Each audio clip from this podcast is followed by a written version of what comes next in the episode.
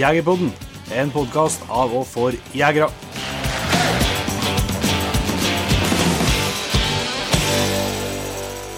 Hjertelig velkommen til en uh, ny fredag og ny episode av Jegerpodden. Jeg heter Jon Petter Meldingen, Og jeg heter Jon Ingevik. og i dag så er det ikke bare én vik i eh, episoden. Det, det har, vi har gått tilbake til røttene og henta fram uh, din far.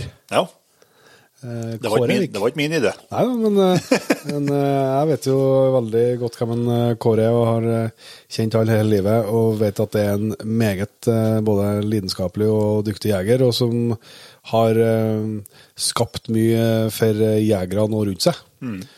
Og det har jeg hatt lyst til at vi skal lage en episode om lenge, og nå fikk han endelig viljen min. da. Ja, Så det er jeg glad for. ja det, han, han leverer da, han. Ja da. Så eh, da er det noen kjentfolk i ukens episode av Jegerpodden for, for våre del, det syns vi er litt ekstra artig, da. Men før vi, eh, før vi slipper til eh, Kåre, så har vi jo litt oppsummering av jakten som har foregått siden sist. Ja. Og du skal få starte nå, for du har hatt ei helsikes bra helg.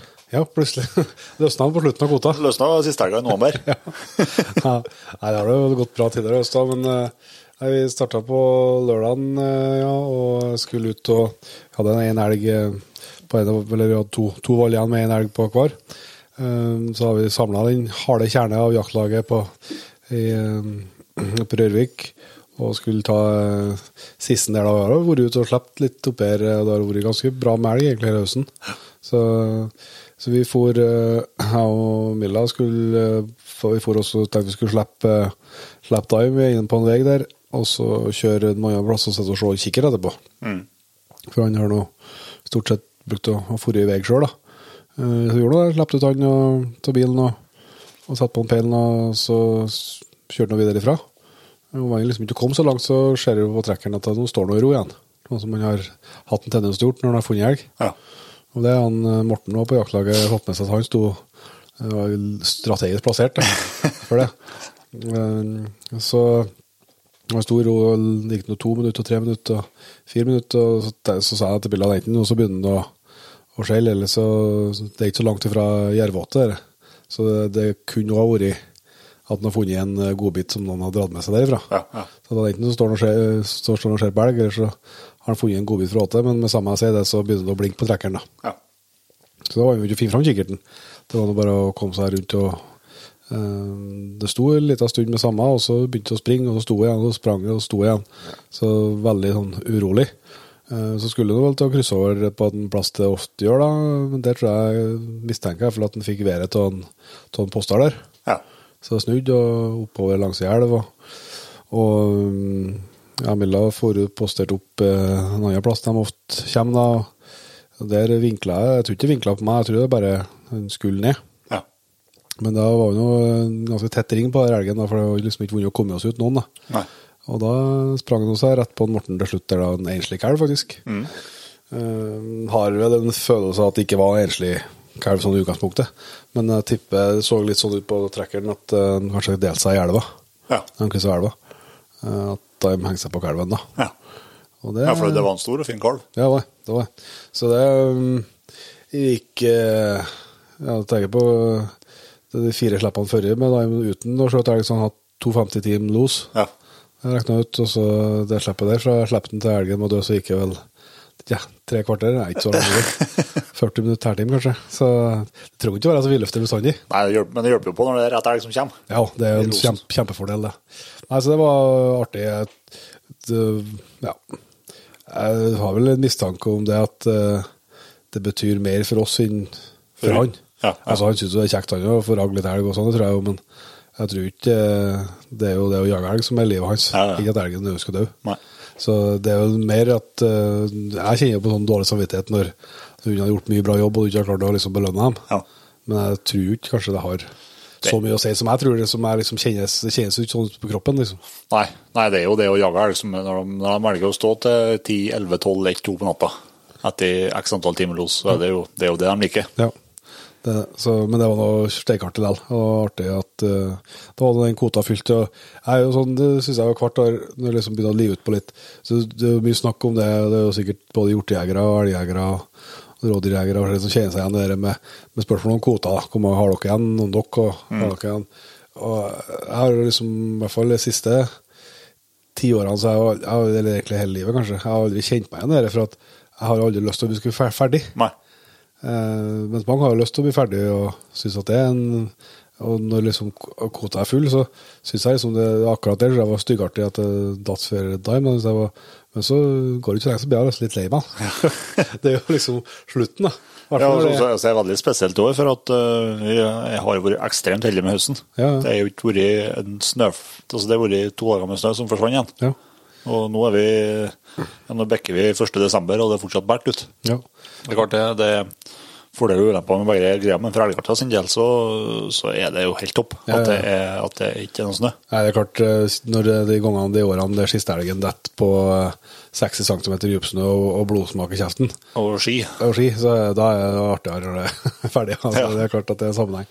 Men eh, det er det, det jeg tenker på mange, akkurat den der, det spørsmålet som man har igjen mange og og ikke ferdig. Og, og så, så liksom, og det føles som folk sier at jeg er jo ikke ferdig ennå. Altså, at det liksom jeg, at det høres ut som et nederlag. Ja. For meg er det jo heller andre veien. Ja.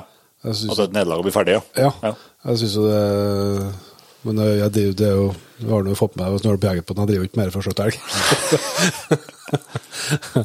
Men eh, ja, det ble i hvert fall en lykka dag på lørdag. Ja. Og så har jeg lært, lært meg å fortelle fra, fra sikre kilder eh, på sosiale medier at du driver og jakter elv gråi om dagene. Jeg driver og posterer på en gråhund i hvert fall. Ja. Opptil flere gråhunder. Ja.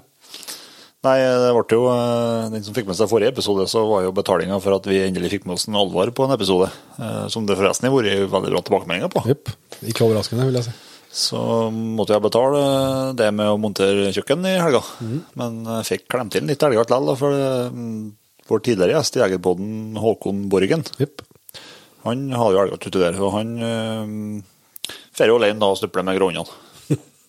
og det gråhundene hans de er, de er ganske bra, de også. Til grånene å være. Til grånene våre så er de bra, så, men eh, det hender seg de må ha med seg noen postere, vet du, så vi var med der. Og, men det På lørdagen så gikk jo det bra. Det, da mm, var det noe spennende. eh, Det var ganglos et stykke på, på ku og kalv, og vi var nært alle tre. Eh, Så til slutt så ble hun stående i stålås, så da posterte jeg og Alvar en fem-seks meter fra losen da, på noen strategiske plasser. Og Alvar er jo forholdsvis lokalkjent oppi der, da. Så, men da kom en Borgen seg innpå og fikk skutt i stålås, da. Så det, det ble lykkete. Ja. Og så var han ute i lammen, for han har jo terreng her òg. Så var jeg ute i lammen om tirsdag, var vel. Ja. I går, ja. Så da ble det en uttak på en, eh, på en sånn mellom, mellomstor okse, men eh, da slapp han gammel hund, og han kalv vel ikke. Det var ganske bra los i starten, og, men det flytta seg litt fort, og så tror jeg han ble sliten etter hvert, den gamlehund. Ja. han, eh, og så, ja, mulig det var så lytt, og så mulig elgen hørte også, til slutt så ble det ikke noe kontakt mer. da. Nei. Så da ble det ikke noe, noe skjøting på den, men eh, eh, jeg mistenker at Borgen har lyst til at jeg skal være med i morgen. så, Ja. er jo ikke krangel på sånt. nei, det, det må bare nedpå. på. Så det er jo det er da mye spøking med hunderaser, men eh, det, det er artig å se andre hunder i aksjon òg, sammenlignet med litt med, med den jeg er vant med å bruke. også. Du enda, sy- tryggere på at den har vært rett, sikkert. Det er kanskje jeg vet at en Borgen kan stå her, bare. ja, ja, men det er som han, han var så eplekjekk og sa at jeg måtte eh, ta opp at redaksjonen driver og, og sysler med gråhund, så måtte han måtte få litt meldinger tilbake. Ja, det. det er bare sånn det er. Um, Jeg tror en av hans våte drømmer i høst det tror jeg at jeg skal skjøte for gråhundene hans. Da tror jeg han blir veldig fornøyd. Må prøve å få til en klikk her noe, da. Ja. ja. Så Nei, men det og Jeg hadde en eh, strålende, aldeles strålende dag på elgjakt på søndagen, da. Ja, da ble, jeg glad. Ja, det ble jeg òg. Det skal jeg innrømme. Det var ute og bare jeg og Milla og skulle eh, gå med gå med kanskje hund på det andre terrenget. Vi hadde en elg. Så for hun og slapp Rex, og eh, jeg slapp først Freya. Uh, Freya var løs en stund og sprang, så det plystra etter. Ja. Men jeg var inne og kikka på der måleren på trekkeren. Så at, hvis jeg husker på det sånn cirka rett, så var øh, Hun sprang øh, ja, var fem og en halv kilometer da, før jeg kobla. Og da hadde jeg gjennomsnittsfart på nesten 15 km i timen. Ja. Men nå var alle mer enn 70 meter fra meg. så det var liksom det var to, to av tre var bra, men den siste kom bare og slo i hjel hele statistikken. Så det ble jeg ganske fort lei av. Nå vet ikke jeg Sist jeg slapp det, tok jeg ut elg og, og hang på litt. Og, så hun har jo i seg, men jeg tror ikke ennå så har jeg ikke fått til å koble av den at når du kommer løs, så skal du ut og lete etter den elgen. Nei. Så den polletten er ikke helt Nei, det er ikke altså. Så, Ligger det- meg litt på, litt på skråen eller ennå? Ja, det er ikke helt dotet nedi. Så da får jeg sletta dime etterpå. Tenkte at jeg skal i hvert fall ha meg en los. Rex? Nei, jeg Milla slapp Rex. Oh, ja. Så hun ute og gikk hele tida med han. Og så tenkte jeg at jeg slippe dime. Men da var han bare sur med han, ja. Ja. Han for bare og sprang i sporene til Freya. Riktignok var han lenger fra meg, for han slapp deg bare fra bilen. Men han virka ikke som han kom seg ut av sporene hennes. Jeg trodde jeg, fy faen, jeg skulle bli gal. Faen, det som er gærent. Altså, vet ikke om det er noe løp Om det er noe jo, om det er noe løp, altså et eller annet sånt Men han var Han kom seg ikke ut av sporene hans. Rundt og rundt og rundt, en helsikes fart inni sporene hans. Så da tenkte jeg her, her er jo bare å legge ned hele Det har ikke fortalt meg til. Jeg var ikke kommet på det, for det ble jo så blenda det som skjedde senere. Men så, mens han drev og surra med det, så, så begynte jo å, å blinke i, på trekkeren på Rex. da. At, Og han fant elg, og den sto eh, rett i uttaket. Um, og da fikk jeg noe plystra på Dime, så han kom nå, så jeg fikk kobla han. Ja, så uh, hadde han litt dialog med Milla hvordan vi skulle gripe han ned.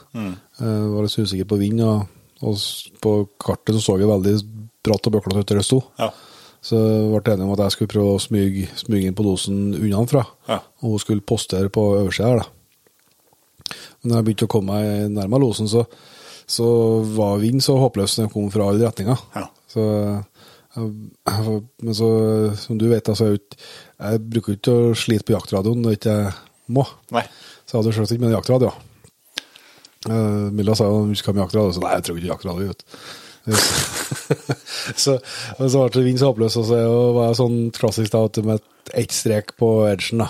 Så sendte jeg melding til og hvis hun hadde dekning, så sendte jeg melding og skrev at hun måtte heller smyge inn på losen ovant. Ja. For jeg var så usikker på vind. Ja.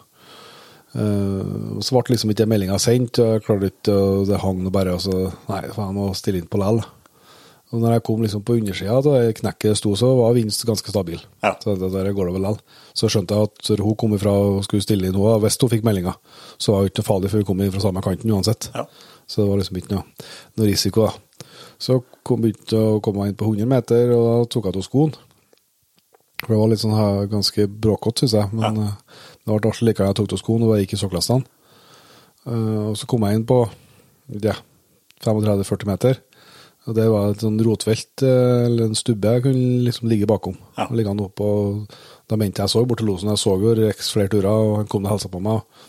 Plutselig fikk jeg jo se til noen elgfoter inni kjettet her, og, og jeg kom fram og så liksom bare halvparten av elgen. Jeg fant ut det måtte være en kalv. Men det var ikke noe å skjøte på. Så jeg lå nå her, og Rex kom noen flere turer, og det var jo styggartig og jævlig spennende, men eh, det sto jo pal. Ja. Men jeg, jeg fikk ikke, jeg så alle ting å skjøte på.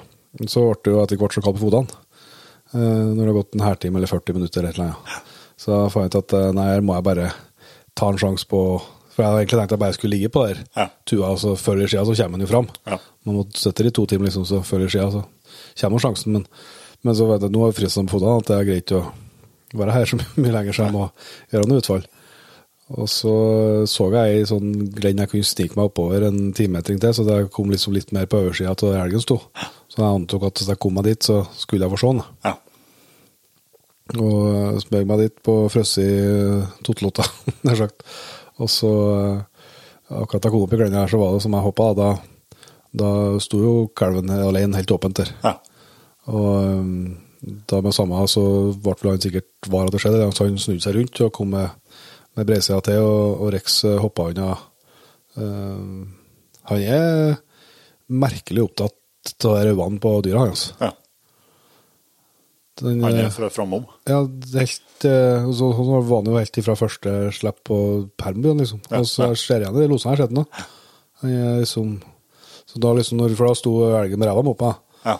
og han framom, og når den snudde seg om 90 grader, da, så bare fløy han liksom på På framsida av han igjen, da. ja. Og da ble det noe klar bane, så da klinka jeg han til. da. Og da han datt noe i smell, så det gikk noe veldig bra med samme smell. Altså hyla han over meg, for da sitter Milla Ikke ufarlig, altså, både for meg og hun, men Nei. eh, hun var jo også inne på losen og vært inne på losen lenge. Ja.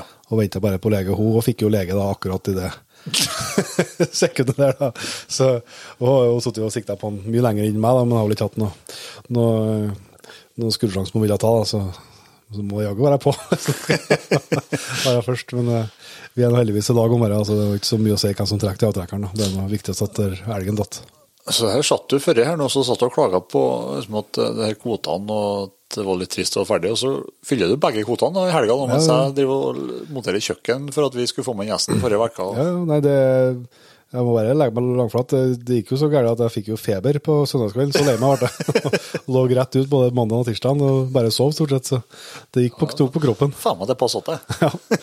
Nei, det var ja, men det er jo sånn eh, Men du ser jo hvor Altså, det litt legg der. Hvis du skrur tida litt tilbake, så har vi jo den P3-jakta. Ja. Det var vel rundt 20. oktober, da. Ja. Da hadde jo Årex en veldig bra dos på ku og kalv. Mm. Eh, og det var jo bare millimeter eller sekund unna at det ble spill på den kalven. Ja. Da hadde den kvoteåret fylt. Tenk hvor mye artig jakt vi har hatt Etter det, ja. etter det oppi der. Ja, ja, ja. Dæven, vi har hatt mye fine dager og mye fine loser og spenning. Ja, ja, ja. Du verden. Selv om vi ikke har skutt noen ting. Så det er jo sånn Det er eh, jo opplevelsene vi får når vi er ute. Det er Ja. jo Det tenkte jeg skikkelig på etterpå, der, altså, for at eh, jeg håpa jo veldig på at det skulle bli smell inn da nå, liksom. Ja, ja. Men uh, dæven hvor mye vi går glipp av hvis det har blitt det, gitt. Mm. Så nei, vi må vi må satse på sånn vær som her, må ha mer elg. Ta ta. Nei, ja, men det er jo Det vet jo alle som hører på, som har eh, prøvd seg med, med egen hund. Og, og der er jo sånn Vi snakka om eh, Du var jo og kom framom en, en gålos med Rex forrige uke. Mm. Eh, Vi snakka om det da også, at sannsynligvis så, så har det nok større betydning her òg, for oss enn det har for han. Ja. Jeg tror ikke han eh, blir noe bedre eller dårligere til det fallet nødvendigvis. Nei. Men det føles veldig bra for deg Ja, det føles jævlig godt å ikke må vente helt til neste år. neste år med å få feire hjelp. Så nei, det var skikkelig skikkelig artig, altså. Ja, og så er det han, han er en hund jeg virkelig har trua på kan bli veldig, veldig bra. Ja, jeg syns jo at det funker utrolig, men Mm. han har ting å, det er absolutt ting han må bevege på. Altså, han, har, han har å søke inn når han vil, Ja. men det ikke bestandig at han kommer på det. Nei. Så, så det er absolutt ting å, å bedre på, men, det men en veldig bra veldig bra første høst, ja. Ja. Det. Så, og så må jeg nå igjen eh, slå et slag for dere. Altså, vi har diskutert det med flere i Jegerpodden tidligere. Og det med sånn den søndagen, det, når du får, eh, det er jo ikke alle som har den muligheten, men når du har den muligheten til å dele opplevelsen her med den du bor da med, og har, dele boliglån med, sagt, så det er, det er utrolig bra, altså. Det, det gir noe, i hvert fall eh, i vårt liv, tror jeg, som eh, vi vanskelig kan få på noen annen måte. altså. Ja. Så dere som har en partner som er ivrig, eller kan bli litt ivrigere, det å få del opplevelsen der i lag, det er veldig, veldig stort. Så nei, det var en uh, storartet dag, sjøl om det er forbaska kvota var full. ja, det. Yes. Skal vi uh, sette over til dagens episode? Peter, Det nærmer seg jo sesongslutt uh, nå, snart. det gjør det. Jeg tror vel faktisk eh, dette er nest siste episode i denne sesongen her i Jegerpodden. Yep. Så um, får vi eh, lade opp litt til nyåret, men vi skal i hvert fall komme inn her og en neste uke. Ja. Men vi setter over til sjølen, som vi sier. Sjølingen. Ja. Kåre. Ja, da har vi altså gleden av å ønske Kåre Vik da, hjertelig velkommen til Jegerpodden. Jo, takk skal du ha, du. Du er jo forholdsvis godt kjent med redaksjonen fra før, da. Ja da, det er jeg. Så jeg, tror de begynner å bli opprådd for intervjuobjekt nå, når de må plage meg hit. Ja, men det er fint av og til, vet du, så må en tilbake til røttene. Ja, ja, Det er ja. sånn det er. Eh, Kåre, du er jo da, som vi sikkert har eh, nevnt her, da, faren til halvparten av redaksjonen. Ja, Og eh, særdeles, eh, vil jeg jo si, ivrig jeger. Og vil jo anta at eh, har en eh, Du har jo en, eh, åpenbart en eh, aksje i at Jegerpodden er blitt til med at du har gjort Jon Inge til en eh, veldig ivrig og dyktig jeger. da. Så vi må jo litt innom det. Men for dem som ikke kjenner deg, Kåre, så kanskje vi må starte litt der. At du får si noen ord om deg sjøl. ja. En, en gammel gubbe begynner å bli, da. Runde 70 neste år. Ja, Se du. Det hadde jeg trodd, jeg. Eh, jo da. Det, og Jeg skal, skal ikke si noe. Nei. Eh, Borne på Namskvann, da. Har eh, samboer. Og tre eh, unger som er voksen etter hvert, da. Ja. Og um, en, den andre eh, broren til Jon Inge han har jo vært gjest i Jegerpodden før, og så har vi kommet innom eh, siste måned etter hvert. Da, men eh, hvis du tar jaktdelen av livet, da, Kåre, hvordan, hvordan kom den her jaktinteressen din i gang? Ja, den begynte uh, tidlig. Veldig tidlig. Ja. Um, jeg må tenke litt på liksom for eh, 60-70 år siden, så det var ikke så mye lover og regler den gangen, så det uh, Ja, vi får nå komme inn på det litt etter hvert, da. Men eh, jeg har bl.a. En, eh, en far som var veldig uh, jaktinteressert. Jaha. Jeg er jo eh, oppvokst på en, eh, på en liten gård ute på Ørlandet. Og eh, ja, der var nå jakta til en pappa. Det var liksom uh, matauk eller uh, predatorbekjempelse. Ja. Og uh, jeg kan ikke komme på at han skjøt bom noen gang med den korte drillingen som han har. Um, og det starta jo på med at han, eh, han begynte å bli litt oppi åra og begynte å se litt dårlig når det var mørkt. Og på andjakt da, så måtte han ha med seg en som så litt bedre. Ja. Og der eh, kom jeg inn i bildet da, og således ble det nå vært litt eh, jaktlyst. Og, og ja, jeg fikk nå prøve meg litt etter, etter hvert, da. Hva Ja. Hva var andjakt du starta med, du òg, eller? Nei, det, det jeg begynte på med, det var eh, Vi har slakta, og pappa brukte bestandig å legge ut slakteavfall og, og skjøt kråk og, og ravn og det på det. Og så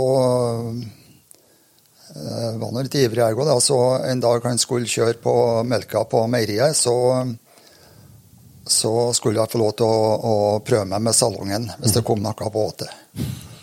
Og der kom det nå ei kråk da, og uh, satt ute i uh, eldhusvinduet. Det var en sånn liten åpning som man kunne legge an på der. da, Og, og og salongen, da. Og sikta vel og lenge, og mer og mer skjelven ble jeg. Satt og sikta på kråka. Omsider måtte han ta meg sammen da, og trykke av, og, og kråka datt. Ja.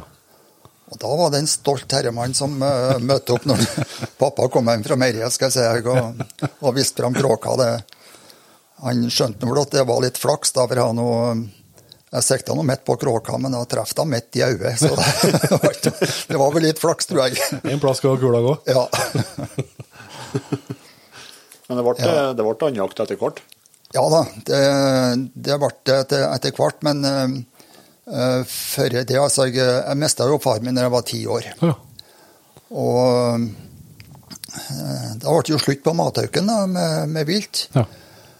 Og utpå det så var det en sånn tradisjon med å skjøte uh, myrsnip og ja, det vi kalte for snepp. Det, ja, det er vel egentlig uh, brushane og brushøn. Ja. Kan du se det som samla seg på der om, om høsten. Og det, det var kjempegod mat. Så det var tradisjon å, å, å jakte litt på. ja. Du må ha noen sånne for at det begynner alvor til matjakt, eller? Nja, to-tre, så da er du god mett, ja. ja. Og ha en mor som er fantastisk til å, til å lage til, til vilt. eh, Ja. Fantastisk kokk, så det, ehm, Men dere der, eh, dere der måtte nå skjøttes, da. Og, og eh, jeg har jo begynt på fått skotte litt med uh, Børse hans bestefar. uh, det var hangevær, dobbeltløper. Uh, forholdsvis lett. Det var kaliber 12 da, og jeg var ikke så stor til vekst da, og når jeg skulle eh, skjøte da, så ja, Kostbar ammunisjon, da, vet du, så det var om å skjøte flest mulig skotter. Og da måtte du litt Du satt og venta til at de eh, kom deg på hold, og så venta til at de flokka seg litt, eller så du fikk flere skotter. Og så måtte du sette ned, så du fikk spredd skura litt utover. og litt liten i vekst, da, vet du. Og eh, dere hagla hun sparka noe godt, så det var Gikk nå på ræva hver gang. Og så var det å kravle seg opp, og så begynne å se hvor mange som lå der. Det var således det begynte, altså litt gamlere. Da, så bars det nedi fjæra og jakt på and. og lå og krøp nedi uh, fjæresteinene der uh, sjøvann for å komme seg på skotthold. Og, Ja. ja. Var det sånn trekk, eller dere smøg på dem som lå liksom i fjæra? eller? Ja, det var begge delene. Lå de nå i fjæra, så var det noe å krype da, og komme seg på hold. Og så satt vi nå i skjømminga da, og når de kom på trekket. Ja. Ja. Men det var noe, dere var ute dere var ute i kano og greier òg? Ja, det var, det var seinere, det. Ja, for at du har litt sånn insight her. Ja, det, det, det var litt insight historie vet du. Jeg har det. Ja. Det var noen dårlige kamerater som uh, har fått tungen litt av hvert. Kanskje, men, men for å ta den, da, så da var vi litt gamlere. Og eh, da har vi vært på eh, Vi har ett et lite vann oppe på Ørlandet. Og -hmm. Og forresten attmed der vi har vi har tørrmyrer. altså På Ørlandet er det ikke noe mye brenne å finne. Nei. Så det eh, skar vi tørv og brukt som, eh, som eh, ved om, om vinteren, da. Til å fyre med. Og attmed tørvmyra vår, der så var det ikke vann. Og, og der så vi at det var mye and borti og greier, og vi var der en kveld. og, og ikke for pinnene vi kom oss på Skottholm med andre for alle andre for å sette seg midt utpå. Der var det sånn, en sånn sivholme utpå og greier. Og så snakka om det at eh, neste kveld da skulle vi ordne oss med en, eh, med en uh, kajakk. Jeg har en sånn seildukkskajakk liggende, så den, den dro vi oppover. Med sykler, da. Og dro med oss. Og, og ja, jeg skulle nå padle på der jeg da, og kompisen han skulle sitte på land. Og det kunne ha gått bra, det, men eh, jeg kom han utover, og eh, først til skokken kom, og, og fint på sida og greier, og jeg eh, trykte av, og dermed så bekka jeg rundt, vet du. Siskott når du satt i, i kajakk, det var ikke noe lurt. Det høres ikke gunstig ut, nei. Og det var noe litt sånn overraskelse, det da, å ligge nedi vannet og plaske. Og, og så han ropa nå, han som var på land, og lurte på hvordan det, gikk, da. Og nei, for det er ikke noe at jeg har gått rundt og, og drev og dukka etter børsa, for jeg måtte ha med den på land. og den fant han omsider, det òg, og, og fikk nå sette meg opp eller jeg lå på kanoen og padla meg til land med armene da, og greier. Og, og opp på sykkelen og sykkel hjem, og det var forholdsvis kjølig tur, altså. Ja. Gjennom bløyta. Så det var vel den historien du sikta til, antagelig, Jon Inge. Det spørs det. Ja. Men hvis vi eh, hopper litt i tier, da. Vi skal må ha litt eh, mer bakgrunn etter hvert, tror jeg, Kåre. Men eh, eh, jaktåret i dag, da. Du er fortsatt, du kalte deg sjøl en gammel gubbe, så er du jo Tror jeg det ver så mye ut som, så mange unge jegere. Ja. Ja, jeg, eh, ikke like mye nå, nei. Det, nå er det stort sett uh, rådyrjakta og litt harre eh, som, som er igjen. Jeg har gitt meg med elgjakta. Ja, så vidt jeg vet, så skjøt han elg i høst, da. Ja da, det Gitt seg, vil jeg si, til overdriv.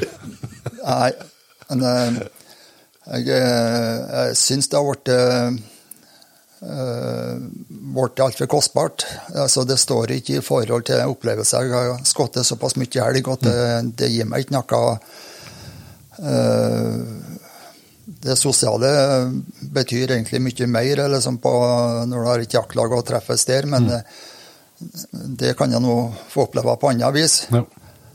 Eh, Jeg syns at rådyrjakta det er litt mer action, og det skjer litt mer. og, og um, Så jeg eh, Det er den som, eh, som sitter igjen, da. Jeg kan jo gå med en tur etter på fuglejakt og sånn noe, men eh, jeg syns det er lite fugl for tida. Og, og lite elg òg. Det er ikke som det første året vi holdt på oppi her. eh, Vi har elg omtrent i hvert et rev. Og skal du være glad om du kommer bort igjen en elg i løpet av en dag. Men eh, det har vel litt sammenheng med hund, hund eller? Du, har, eh, du må fortelle oss, eller de som ikke kjenner du har noen, eh, en hund som du bruker både på rådyr og, harry. Ja, jeg har en, eh, en Basset Fov. Er bare en uh, unghund.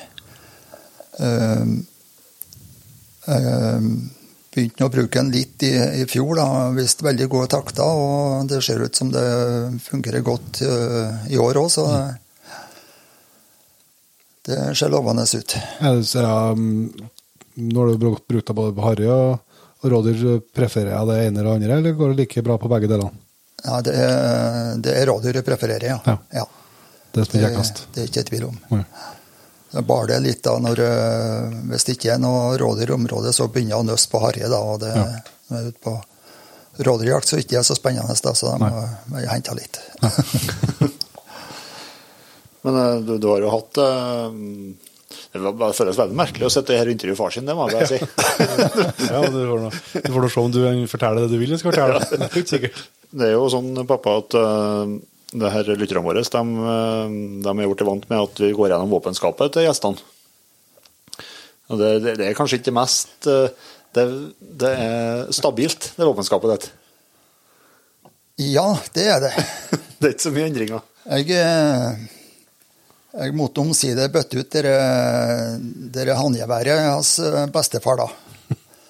Og så var vel en eh, 16 år, tror jeg, når jeg eh, fikk reist til Trondheim og kjøpt meg pumpehagl. Mm. Ja. Og den har jeg ennå. Reming- Remington 870 Ja. Ringmaster. Ja. Og den eh, Jeg tror eh, dere trangboringa holder på å bli litt slette, så eh, det holder på å bli forholdsvis tynt i det løpet framme meg, Men eh, den er det skottet mye skott med, altså. Ja, jeg syns hun dreper utrolig bra fortsatt likevel. da. Ja da, det er dette, ikke annet. Det gjør det. Og så, når jeg var i, i Folldalen, der var det reinsjakt, og da måtte jeg kjøpe meg ei, ei reffel. Og den eh, reiste jeg på Domus på Oppdal og kjøpte en eh, Remington. Og den har jeg. Ja. Og så når jeg ble 50, så fikk jeg en kombi i, eh, i jubileumsgave av ungene. Ja. Og den står eh, innerst i våpenskapet, for den er ubrukelig. Takk for jubileumsgaven. Hva som feiler den, da? Eh, Etter hvert, etter å ha skutt bort både gaup og, og rådyr, så eh, fikk jeg konstatert at eh, når jeg skjøt førstskuddet, det går rett ut til venstre. Ja. Det er jo bare hold på det. Det, det, går, det, tar litt, det tar litt lang tid å lade om til nummer to. Altså. Ja. Nei, altså det Refla der har jeg skutt noen, eh, noen rådyr med, med hagla, men ja. refla er ubrukelig. Ja. Ja, det, er noe, det er noe rart det å kaste, kaste langt ut til venstre på, på første skuddet. Dere legger ikke ut noen gode aksjer for å selge brukt her nå? Nei, jeg, jeg tenkte på det, at det var, men det er sånn det er greit å jeg, jeg har ikke samvittighet til å selge. Er noen som skal oppleve det samme. Nei, men det, er jo- du har falt litt unna stammen, du. Du har ikke mer interesse for våpen eh, etterkommerne her, da. Han, han rister stort sett på hodet når vi kommer med, med alt av duppeditter og dyre våpen og stadig nytt utstyr. Han rister bare på hodet, stort sett. Ja. Ja, jeg ser ikke annet at det detter av det som jeg har råd, så jeg, eh, I hvert fall Reflar Remington eh, samler godt og ikke noe å, å klage på. Det, men jeg har skifta ut det som står oppå noen gang, da. Ja. Så Så demperen måtte skifte en gang. ja, den skulle ha skifta igjen. Den blir ikke plukka av hver dag. Nei. Du var tidlig ute på demper. Ja. Det er liksom Det første, jeg første demperen jeg har noen minner av på en skøytebane. Det tror jeg var på børsa di. Ja. ja, det var jegerprøvekurset, det, antagelig. Sikkert. Ja. Der det jeg godt noen skott med den refla. Hun har brukt og artslig mange på eh, når hun holdt på med jegerprøvekursene. Og, og var litt mer aktiv med litt konkurranser og sånn noe var før. da, så det, ja, det er godt noen skott der, men hun hun holder koken. Jepp. Ja, det er artig. Eh, men du nevnte, eh, hvis vi fortsetter litt der, Folldalen var før Namsskogan? ja? Det var før uh, Namsskogan, ja. Som, det ble en periode hvor det ble litt lite jakt. Jeg uh, har nå ti år i, i Forsvaret. Jeg skal forresten nedover på 50-årsjubileum fra jeg gikk ut befalsskolen om uh, fredagskvelden, så det gleder jeg meg til.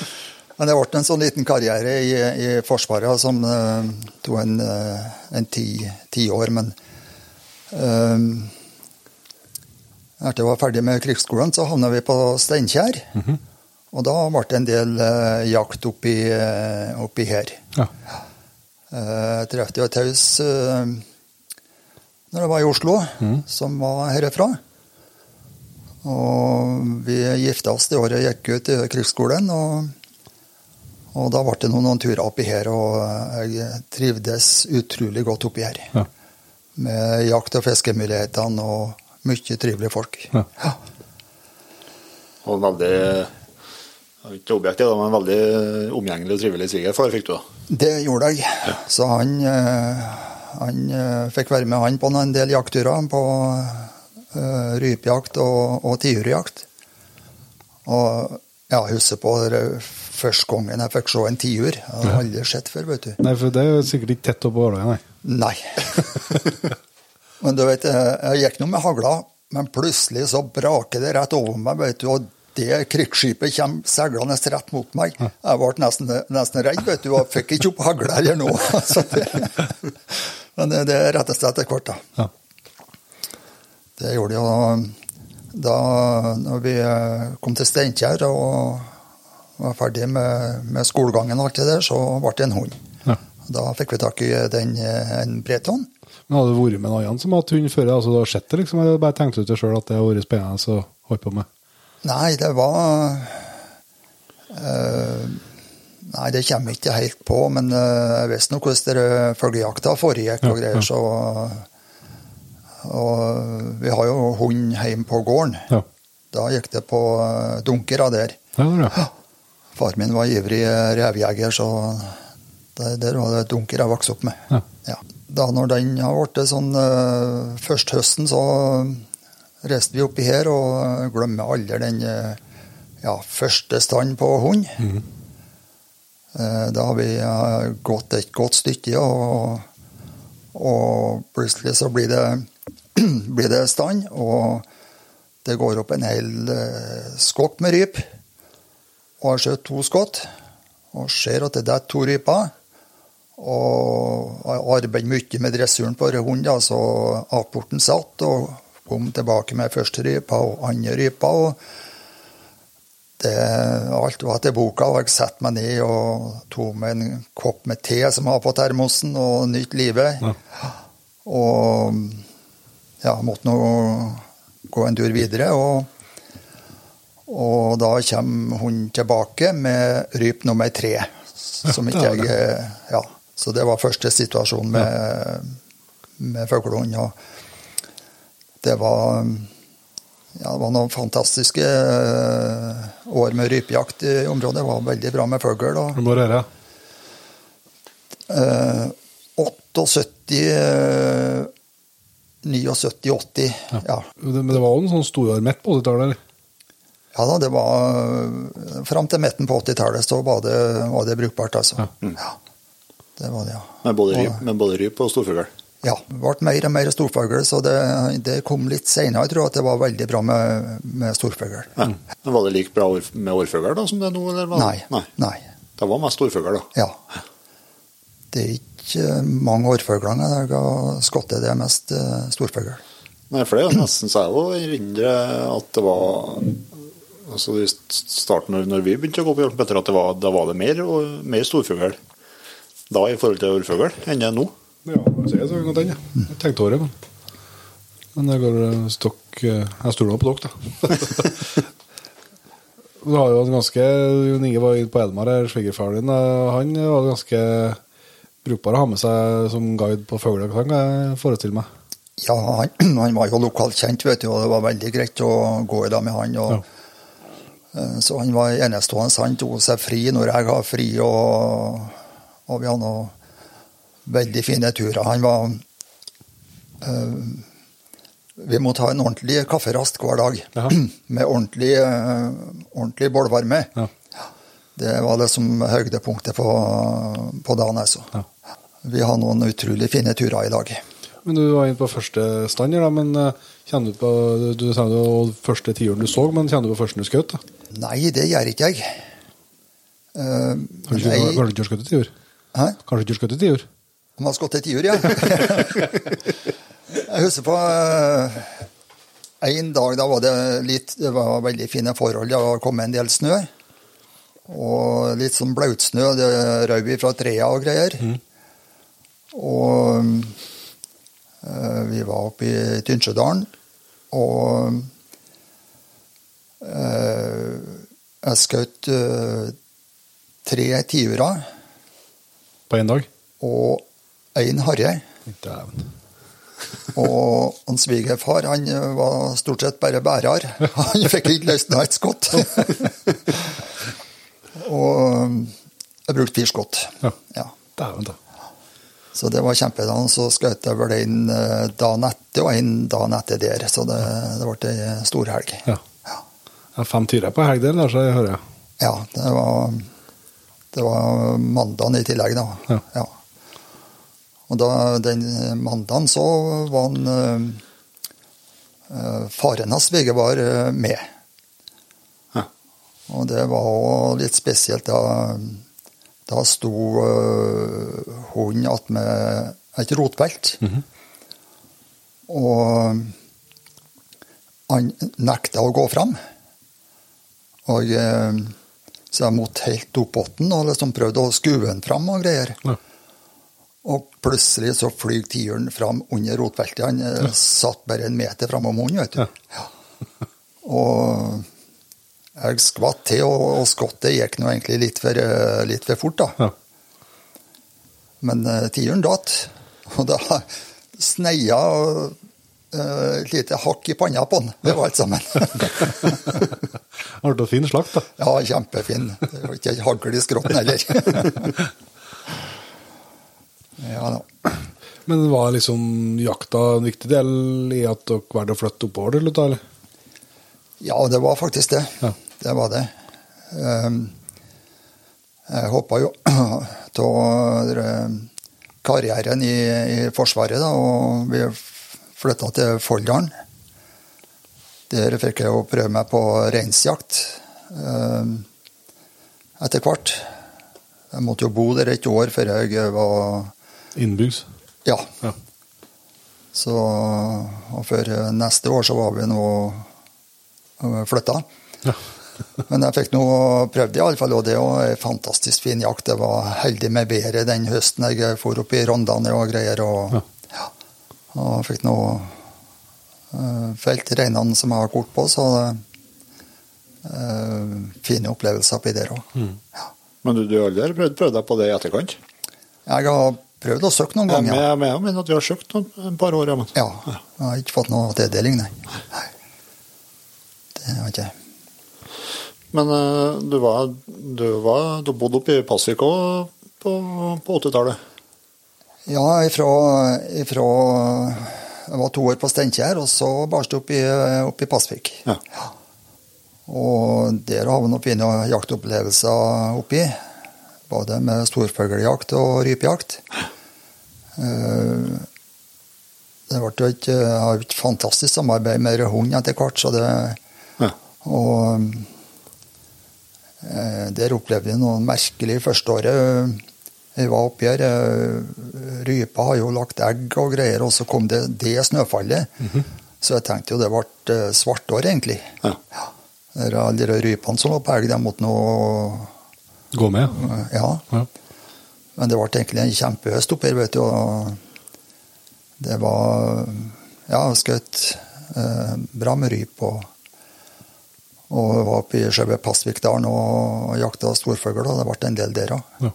ja, for det er, det er liksom Jeg har aldri vært i området her, men det, Pasvikdalen og skogsfugljakt, det høres jo Det hører jo hjem, hører jo sammen på et vis, det. Ja da, det gjør det. Ja.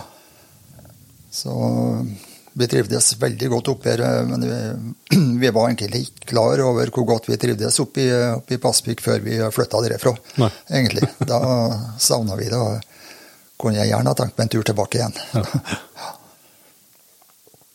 Og så Namsskogan etter det, eller? Så ble det Namsskogan, ja. ja. For dem som ikke, Det er ikke alle som er like lokalkjent på Namsskogan som, eh, som vi er, da, som sitter her, da, så vi må nå ta litt hensyn til dem òg. Men det ligger jo et, et, et, eh, en stor et, ja, turistattraksjon, man kaller det, med E6-en, som heter Namsskogan familiepark. Og der var du eh, første leder, vet jeg. Hva er det, er jobben du kom til når du eh, kom hit, eller? Nei da, nei da. Jeg eh, Egentlig så prøvde jeg å komme meg hit året før. For jeg, når jeg var nede på Steinkjer, så var det en som lærte meg å, å stoppe ut fugler og dyr. Ja. Så jeg drev på med det som en hobby og, og greier, og syntes det ble brukbart i det etter hvert. Ja. Um, um, og så jeg tenkte egentlig at jeg skulle starte opp med det. Ja. Så jeg prøvde meg nå først å få meg noen lokaler oppe i Skorovas eh, for å starte opp med det og flytte okay. oppover. Ja. Men uh, traff en ordfører som eh, fortalte meg at uh, Skorovas det var ikke noe å satse på, nei, for det, det, det kom til å bli nedlagt oppi. Ja. Så jeg fikk ikke noe hjelp der. Men så ble jeg ledig i stilling som kulturkonsulent året, året etter. Ja. Så da søkte jeg og fikk den. Ja. Um, og um, det var ja, som en del av den jobben at jeg uh, lanserte ideen om å bygge en dyrepark oppe på, på Drones. Ja. Men dere kom eh, for dere, men dere kom, for når du kom til Namsskogan, da var ikke noe, det var ikke noe jakt- og fiskeforening eller noe sånt? Nei, det var ikke Det var noe av det første jeg tok tak i. eh, For jeg eh, var nokså aktiv nede i, i Folldalen, Jeger- og fiskeforeninga der. Ja. Og fikk nå starta opp en leirduebane og forskjellig nedi der. Og så kom jeg oppi her, og eh, her var ikke noe jeger- og fiskeforening oppi, og det syns jeg var rart. altså. Ja. Så fikk jeg naboen til å Han var villig til å gå på som leder, og så kalte vi inn til møte og fikk stifta foreninga i, i eh, 85. Ja. Ja. Nei, for da var du tidlig ute med å ta det her eh, det var, For da går det noen år, og så kommer det kravet til, til jegerprøvekurset. da. Ja, eh, jeg tok uh, utdanninga som eh, Instruktør. instruktør når jeg var i Folldalen. Ja. Så den du har på- du hadde på plass, ja. Den har jeg på plass. Ja. Ja.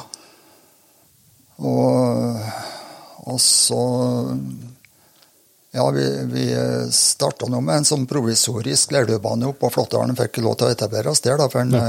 grunneieren. Og, og, og så tok vi på oss noe rydding av vegetasjon langs jernbanelina Ja. på dugnad. Ja. Og organiserte og fikk ut mye folk. vet du, og Fikk rydda lange, mange kilometer eh, eh, langs jernbanen og fikk godt betalt. ja. Så da har vi liksom et sånt uh, Startkapital. startkapital og kom ordentlig i gang med, med foreninga. Ja. Så begynte jeg på med parken, da, og da ble det mindre både en og andre noen år. Men desto mer park. Desto mer park. Så det å få i gang den, ja, det krevde sitt. da. Ja, det vil jeg tro. Ja.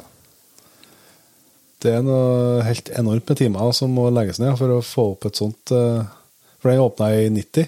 Nei, 89. 89, ja, stemmer det. Begynte på i 88. Ja. Ja. Det var, det var ganske spesielt. Parken åpna i 89, og så var jeg ble han født i 89. Så jeg har jo vokst opp med elgkalver i hagene og vet du, Gudene vet hvor mye mange forskjellige dyresorter vi har hatt hjemme på oppfòring. og Ja, det var vær før du ble født. sjø. Ja, ja, ja. Da Ja, da. gårdsplassen full av fuglebur og litt av hvert. Ja, for I dag er jo en, er jo en stor eh, både attraksjon, men også ikke minst arbeidsplass i, i Namsskogan-sammenheng. Men i starten så dere var ikke så mange hodene som Du var både parkleder litt dyrepasser og, og kasserer og litt forskjellig, antar jeg. Ja da, det, de to første åra, så utenom sesongen, så var vi to stykker. Ja. Og ja, kan vel si han andre karen han hendte seg at han var litt ustabil, da, så ja. Det var ikke så mye fri. så det var travle år, ja. Ja. ja. Men du snakka om det instruktørkurset du hadde med deg, men jeg vet i hvert fall du har nå utdanna mye jegere, blant annet oss. Du, han, vi hadde ikke noe kurs hos deg. Ja, det var det verste kullet jeg har hatt. Det var sjokk og vantro det det besto. Jeg visste noe av dere litt fra før, da, for jeg har nok på, på fotballtreninga og greier også. Jeg visste noe av dere litt, men eh, det mener jeg virkelig. altså Det var, det var litt av en gjeng. Men det var, det var artig, da, jegere der, da. Ja, det ble det. Så, Eller det var alt relativt, selvsagt, men i hvert fall, i hvert fall har lov til å jakte. Det var noen som besto kurset, i hvert fall. ja. Men det har du nå drevet med videre. Nå begynner vi å bli litt voksne, vi òg, men har, holdt på med, har, du, har du noen peiling på hvor mange du har hatt gjennom kurs? Nei, det har ikke jeg, men det, det må bli eh, en par hundre, vil jeg nok tro. ja. Det vil jeg tro. ja. Og det syns jeg er litt artig når uh, foreldre kommer og liksom forteller at uh, han og han uh, ville ikke på fest, for de skulle på jakt dagen etterpå. Ja. Det, da syns jeg jeg har gjort en god gjerning. Ja, liksom, når det, interessen er såpass, da Begynner å hjelpe på, ja. ja. Så går det noen år, så finner de ut at det går an å kombinere òg. ja. Nå har vi jo snakka en del eh, fuglejakt og småviltjakt, eh, Kåre. Men eh, eh, du har jo du sa Tom, du har lagt det litt på hylla nå, men du har jo vært og jakta veldig mye elg òg. Men det var det først etter du kom på Namskan at du begynte som elgjeger? eller? Ja, det var det. Eh, Jeg ble eh, eller Allerede først sommeren jeg var på Namsskogan, så eh, ble jeg eh, bedt med på, på bjørnjakt, faktisk. Ja. Da var det en, eh, en bjørn som eh, raserte ei sauebesetning, og det ble gitt fellingstillatelse osv. Og, og det ble starta med bjørnjakt. Og det, eh, Hvor, hvor var det? det var oppe i, oppe i Tunsjødalen. Ja. Ja. Og øh, skulle aldri ha vært ute og jakta bjørn. Det var ingen som, som kunne det. vet du, og Vi fikk noe beskjed om at uh, hvis bjørn var nærmere enn en 50 meter, så måtte vi aldri finne på å skyte. Det var såpass farlig? det. Var, nei, det var skumle saker. Ja. Men, det var, altså, men da var det liksom et elglag som du ble med der på bjørnjakta? Nei, det, ble, øh, det var jo miltnemnda som organiserte det der, så den, øh, det ble kommandert ut dem som uh, kunne. da, og, Ja. Men var aldri spesielt trua den bjørnen, mener du? Nei, det var han ikke. Men det ble noe slutt på rivinga, så han ble vel lei av alle kallene som for og sprang opp i fjellet. antagelig. Og, ja. og ikke noen hunder som var brukbare. Eller, eh, det vil si, sistene, så da fikk vi tak i en uh, fra Snåsa da, som har med seg noen hunder. Så da, da ble han vel spåra, iallfall. Ja. Ja. Uten at det ble noe resultat. Men, det- men det var det som ble introdusert litt for storviltjakta, så det ble elgjakt etterpå, eller? Ja, jeg ble bedt med på, på et elgjaktlag da, så Og fikk skjøt min første elg, og der jakta jeg vel øh, Ja Det måtte være en sju-åtte år, iallfall, i lag med dem. Mm.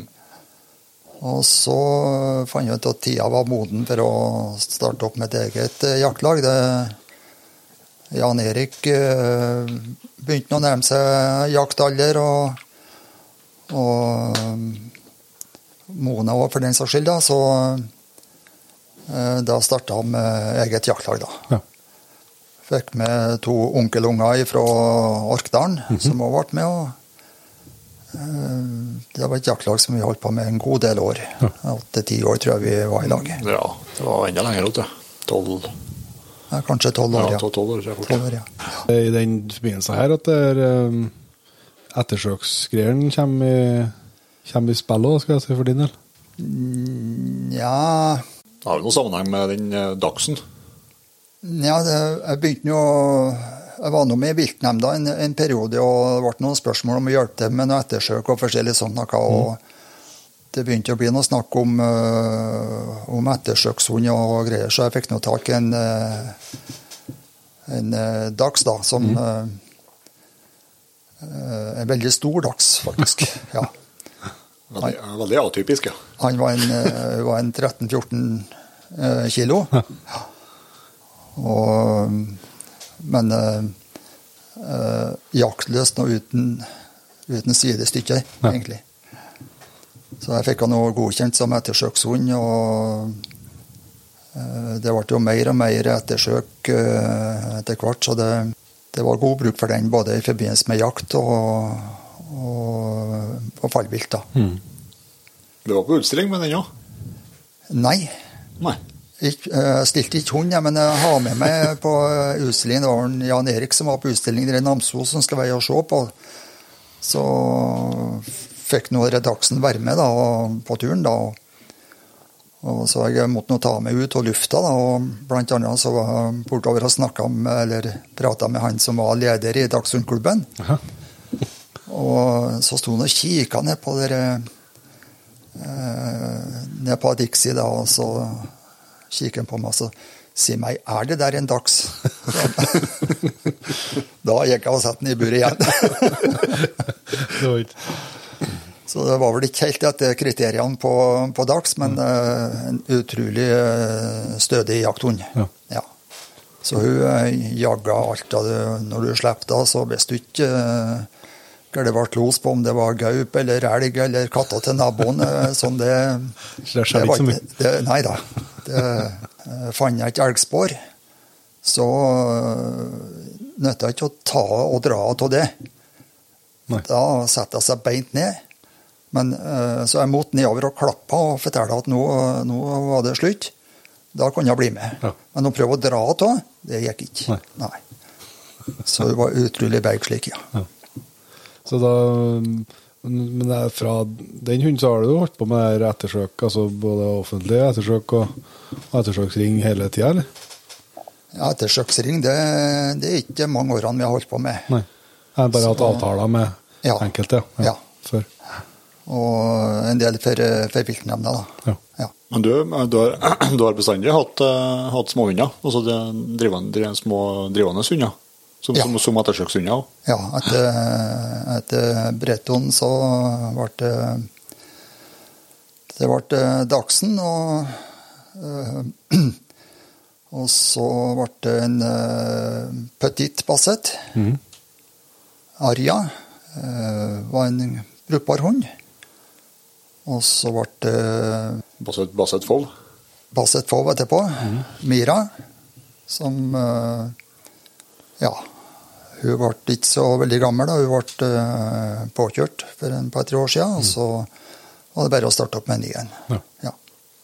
Men nå var det mer som brukbar, da. ja da. Det jeg absolutt si. Jeg tror jeg har vært heldig med de hundene jeg har fått i og ja, fått derfra.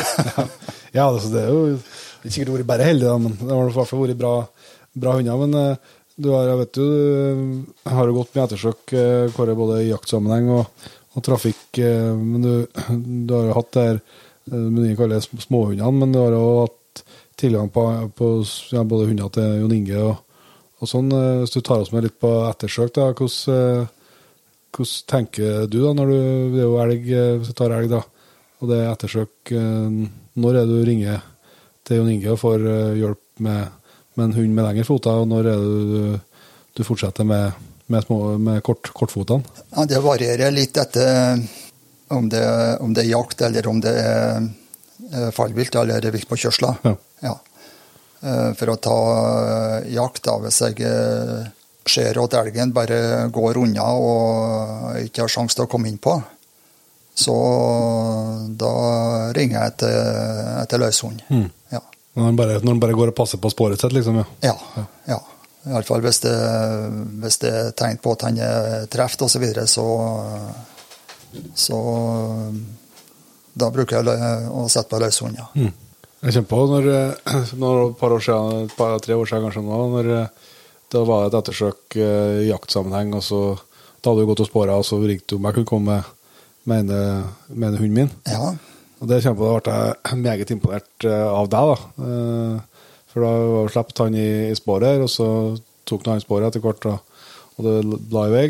Og så sto vi og kikka på hver sin peiler, og så sa du 'nå blir det snart uttak'. Og da tror jeg gikk 30 sekunder, så hørte vi vo, vo, vo, vo. Ja. Da så du så jeg på, på strengen at han var på tur, og det ble en sånn fiskekrok. Ja. At han var på tur. Det ble en liten sving, og så fiskekrok også tilbake imot sporet han kom. Da Da hadde du bra feeling på at det skulle bli uttak, og det stemte nå den gangen. i hvert fall. Ja. ja da. Her har jeg har brukt uh, hundene til guttene flere ganger. Ja.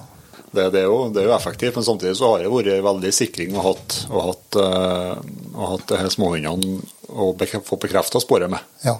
For de er jo de er ikke spesielt spornøye, de løsningene som vi har. Men, eh, men hundene dine de er, jo, de er jo bra til å, til å følge sporet og markere blod. og Så det er veldig greit å ha dem i bakhånd for å bare bekrefte at vi er på rett, rett ja. Hvordan har du jobba med eh, hundene for å få til, få til dem runde på runde, for å ta ettersøksdelen, altså den sporingsjobben? Når begynner du å, når begynner du å spore med dem og sånn? Nei, jeg begynner veldig, veldig tidlig. Ja. Ja. Det er bare enkle spor til å begynne på med. Og det som er, er kunsten, det er å, å, å få, opp, få opp lysta til å gjøre jobben. ja. Uh, at hundene syns det er artig. For selve sporinga er ikke så vanskelig, tenker du? Altså, det, Nei, eh, for en hund å følge et blodspor som du legger ut, det er ikke noe vanskelig hvis hunden er, er, er motivert for det. Nei. Så det å, å bygge opp den, den motivasjonen, og som dere, dere bassettene, da, og med dere rådyrfoten som ligger eh, i enden på sporet, Mm. Og kommer fram dit og grasserer litt med, med hund, det, det er noe av det hundene syns er mest artig. Ja. Og det er som å, å slåss litt og herre litt, og, og du skryter av dem. Uh, og når hunden lærer seg til det at uh, enden på det sporet her, så der ligger det en, en godbit, og så blir det grassering. Vet du, det, eh, da blir de motivert, så jeg tror det er veldig mye eh, nøkkelen ligger der. Ja. For å få dem, eh, få dem til, altså. Mm. Du er, du, du er jo en av de få som er, selv om du har hatt godkjent unna, så er jo du en av de få som jeg vet uh, vedlikeholder treninga. Altså Du legger ut noen spor selv om du har uh, uh, godkjenninga i boks, så, så du vedlikeholder treninga på sommerstid likevel. Ja, det gjør jeg. For det første det er en fin måte å trene hundene på. Og nå er det jo to ganger at jeg har oppdaga at hundene har eh, nesemidd. Ja. Eh, På denne treninga, så de klarer ikke å gå sporet. Jeg ser dem er motivert, men de er helt hjelpeløse. ja. Og så eh, er vei å gi dem en kur, og så 14 dager etterpå så går de sporet som bare juling. Ja. Det er likere å finne ut det på et spor blodspor har lagt ut sjøl, enn at den står på et ettersøk. Helt sikkert. Helt sikkert. Men dere var ikke, dere var, ikke- var ikke plaga med før. Nei. Men nå er det to ganger jeg vet at Jan Erik òg har hatt problemer med Ja. nesemidd og greier, så det tror jeg en skal være oppmerksom på. Ja, vi behandler nå alle hunder før jakta, i hvert fall. Ja, ja. Bare for å være sikker. Ja. Så, men det er jo sånn, det er absolutt vi skulle ha snakka med en veterinær om det nesemiddgreiene, for det er jo at, Som jeg i hvert fall har forstått veterinærene, så er det jo også litt omdiskutert. ja. Altså om det er tilfellet Mm. eller ikke. Men det er jo veldig mange kjenner som har opplevd akkurat som du sier. At de blir helt hjelpeløse og finner ikke baksporet sitt, eller, eller slår ikke ut i søk, eller og så får de en sånn kur, og så er de seg sjøl igjen etterpå. Ja. ja. Så det, et eller annet er det jo. Ja, så er det sikkert ikke alle unger at det er nesemidd heller, men også at det er noe som de, den kuren eller de tablettene eller den sprøyta tar knekken på. Ja. I nesen. ja. Så må vi jo videre øh, Kåre, vet du, etter hvert da, så har du jo Du har blitt mm, ivrig på rovviltjakt. da. De- Du snakka om, øh, om predatorjakt helt fra barndommen, men øh, på de større, større rov- rovdyrene våre. Ja, eh, det eh, Jeg ble jo ordfører oppi etter hvert, og, og jeg ble litt opptatt av sauebøndene som plagdes med, med bjørneangrep hvert år. Og jeg så jo hvor hjelpeløse eh, vi var i forbindelse med, med skadesituasjoner og sånt noe. Så eh, håpløst å og visste hvor det bjørn har, har gjort av seg. Og så var det nå når jeg var ferdig med ordførerperioden, Eh, så han måtte nå finne på noe annet. Eh, jeg fikk meg nå en eh, jobb osv., men eh, Inge var jo en del hjemme alene, og vi måtte finne på noe annet. Så eh, lanserte vi egentlig en, en idé om å ordne et nasjonalt uh, rovviltsenter. Du ble ikke så mye mer hjemme da heller? Nei, men må, må du vente litt nå? uh, og reiste over til, til forbundet, Jeger- og Fiskerforbundet med de tankene, og det ble blankt avvist. Uh, det, de skulle ha en desentralisert struktur, så det var ikke aktuelt med noe sånn senter. Nei. Men vi, eh, vi ga nå ikke opp. eh, Vi hadde noen bjørner oppe i eh, parken og greier. og Så vi fikk jo finansiert et prosjekt for å, å, å lage til uh, kurs i, i bjørnjakt. Eller egentlig var det ettersøk etter, etter bjørn Ja. som vi starta på med. Uh, Svenskene har jo holdt på med det der noen år, og med hundtesting og, og kursing. Da, så vi, vi stjal jo, jo det vi kunne av deres opplegg. Og fikk laga til et et, et kursopplegg da, som vi begynte å kjøre. eh, for å utdanne eh, ettersøksjegere etter bjørn. Ja. Så det var, det var samtidig med det at denne bjørntestinga i familieparken kom i gang, da. Ja, Ja. det var det. Som en del av det, det kurset der, da. Ja. Og det tror jeg ble, eh, var gode kurs. Eh, Fikk veldig gode tilbakemeldinger på kursene vi kjørte. Så Jon Inge måtte være med på alle sammen. da. Han har ansvaret for, for han, da, så jeg tror ikke det er noen mange som har noen flere kurs enn han på ettersøk. Og, eh, og så måtte vi jo starte opp et, et skadefellingslag hos oss også. Det var noen av de første. Da begynte å vi frampå til kommunen om, eh, om det, men det, eh, det var ikke aktuelt, nei. For eh, bjørnjakta, det var farlig, så det ville de ikke ha noe arbeidsgiveransvar for. Nei. Så etter en del om og men, da, så fikk jeg eh, til et opplegg da, hvor eh, jeger og fisk sto, eh, sto for, eh, for eh, arbeidsgiveransvaret. Ok. Og, og at vi kunne løse oppdraget ifra, for, for kommunen. da. Ja. Så det, det var for den eneste plassen hvor vi, vi måtte kjøre den, den modellen. og Jeg måtte sende inn avtalen til juridisk vurdering og greier for å klarlegge at eh, kommunen ikke har noe arbeidsgiveransvar. Så hvor en hel haug med pensjonister med bjørnskader. da. Ja, ja, ja. Og så måtte vi jo, måtte vi jo kjøre litt opplæring på det skadefellingslaget òg, da. Ja. Og da uh, tok jeg deler av det ettersøkskurset som vi uh, laga, og laga et opplegg for, uh, for skadefellingslag. Ja. Uh, det gjorde jeg på en måte i eh, egen regi, da. For jeger og fisk ville jeg ikke være med på det Nei. til å begynne på med. For skadefelling det var liksom ikke noe med jakt å gjøre. Eh, Etter hvert så endra det seg, og, og da fikk for så vidt god tilbakemelding på det. Og da ville andre kommuner oppe i Innlandet her eh, ha det kurset og etablert skadefellingslag. Ja. Og jeg var holdt kurs nordafor, og det bar sørover. Og Oppland har jeg en god del kurs som jeg kjørte. Og etter hvert så ble det jo aktuelt med, eh, med lisensjakt. Ja. For eh, hver og, og en jeg kunne være med på. Og da så jeg for meg en del eh, litt uheldige situasjoner, så jeg så behovet for, eh, for eh, opplæring av vanlige jegere nå. Da eh, fikk jeg liksom en idé om å lage til eh, en video da, som sier litt om, eller kunne danne utgangspunkt for en eh, studiering eller et annet sånt opplegg som foreningene kunne kjøre prøvde å, å lansere den eh, ideen til Jeger og Fisk, og prøvde å finansiere et opplegg der med, sammen med Lorentz Mørkvei. eh, Høylandet Film og TV, da. Ja. ja. Og fikk nei. Og så gikk det Ja, vi måtte bare legge det på is, da. Mm. Ja, noe manuskript og alt sammen klart. Og så gikk det en to-tre måneder, og så ble vi hasteinnkalt til, til forbundet på møte. Jaha. Og da var det direktoratet som har tatt initiativ til å fått laga en sånn Ja. en sånn video. Ja. Ja.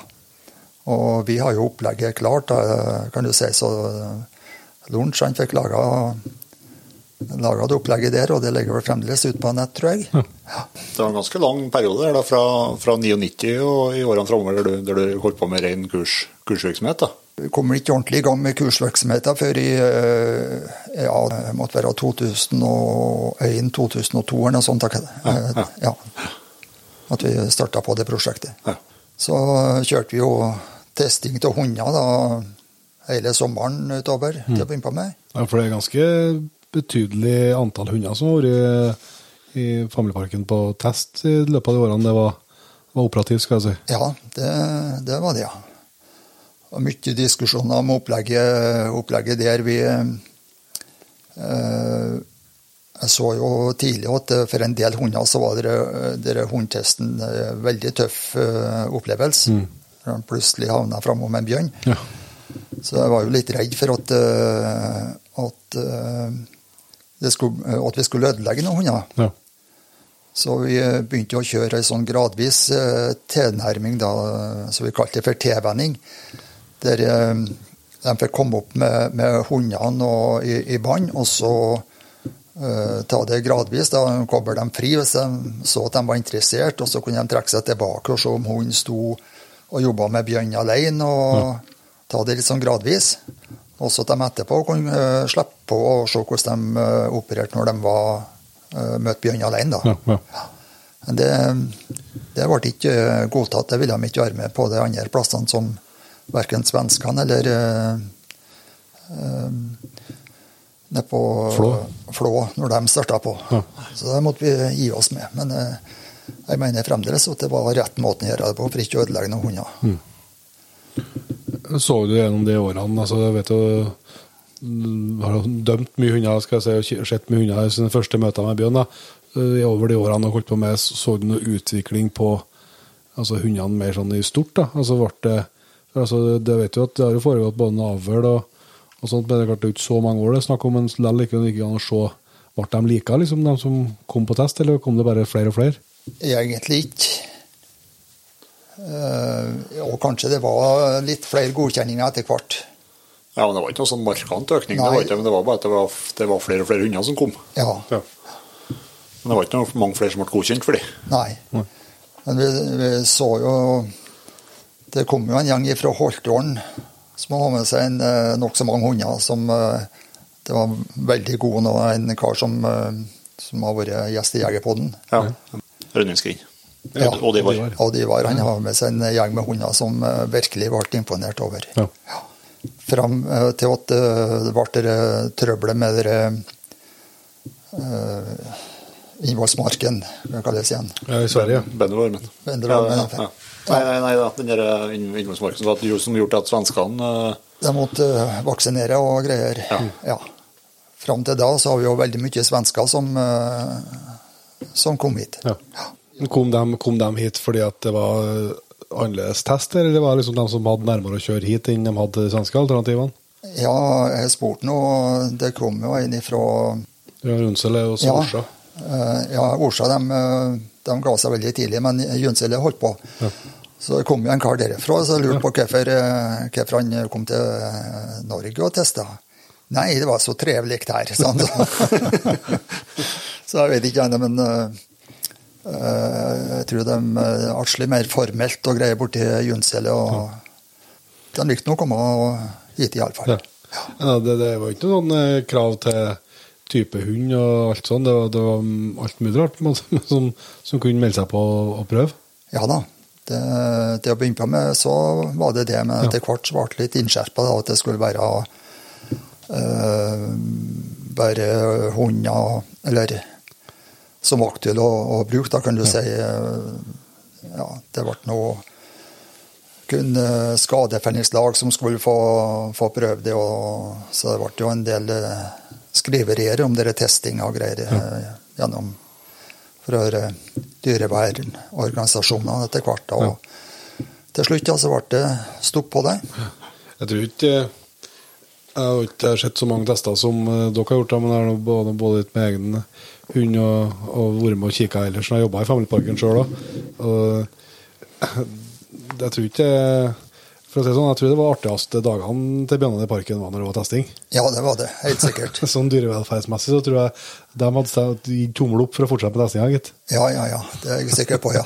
ja. Vi, vi hadde med en runde, og vi hadde med, når det var snakk om Vegnes, så hadde jeg med tolv representanter fra Mattilsynet. Ja. Som var med og så på en test. Og de sa jo sjøl at det er ikke, det er ikke, det er ikke bjørn det er noe synd på. Han gjør ikke noe farlig med han storkoser seg. Men det er hundene som må være ble vettskremt. De stiller med spørsmålstegn med dem. Men jeg husker først hund som ble godkjent, pappa. Jeg vet ikke om du- ikke husker det, men det var jo en eh, langhåra dachs. Røven. Ja, det var det. Første hund som ble godkjent på bjørn i hegn i Norge. Ja, Han var sint òg, ja. ja det var han, ja. Og så øh, til en tysk terrier òg, under forutsetning av å nikke mot bruken på bjørn. så gikk det to år, tror jeg. Det var førstkvelden i elgjakta. Da kom det inn en, øh, en MMS med bilde av tyskterrieren og en bjørn. Så han hørte ikke etter. Ja, det hang i han. Hæ? Han hang i gjerdet, tyskterrieren, ja, ja, ja, ja, ja, ja. ja. Så etter kriteriene som vi har på, på testen, så var det bare å, å godkjenne den. Ja. Ja, For det var sånn Men var det dere som ut i lag med svenskene laga liksom kriteriene for den testen, eller? Ja, det var det. Ja. Mye diskusjoner om det, om det der, da. Ja. Ja. Ja, for det, det var innkallingsgreier der òg. Kom på. ja. Det var det. Men du var Men så var vi inne på byen her. eh, Vi sitter jo vi og spiller inn i stua inne på Grønland nå, og det er vel noen bare så kan si om det er 500-600 meter der borte der du skjøt bjørn en gang? Ja, det, det stemmer, det. Uh, Svigerfaren din han uh, drev jo med sau. Og uh, har store tap i mange år. Og så tror jeg det ble ordna med et sånt eh, eh, prosjekt med radiobjeller. Mm.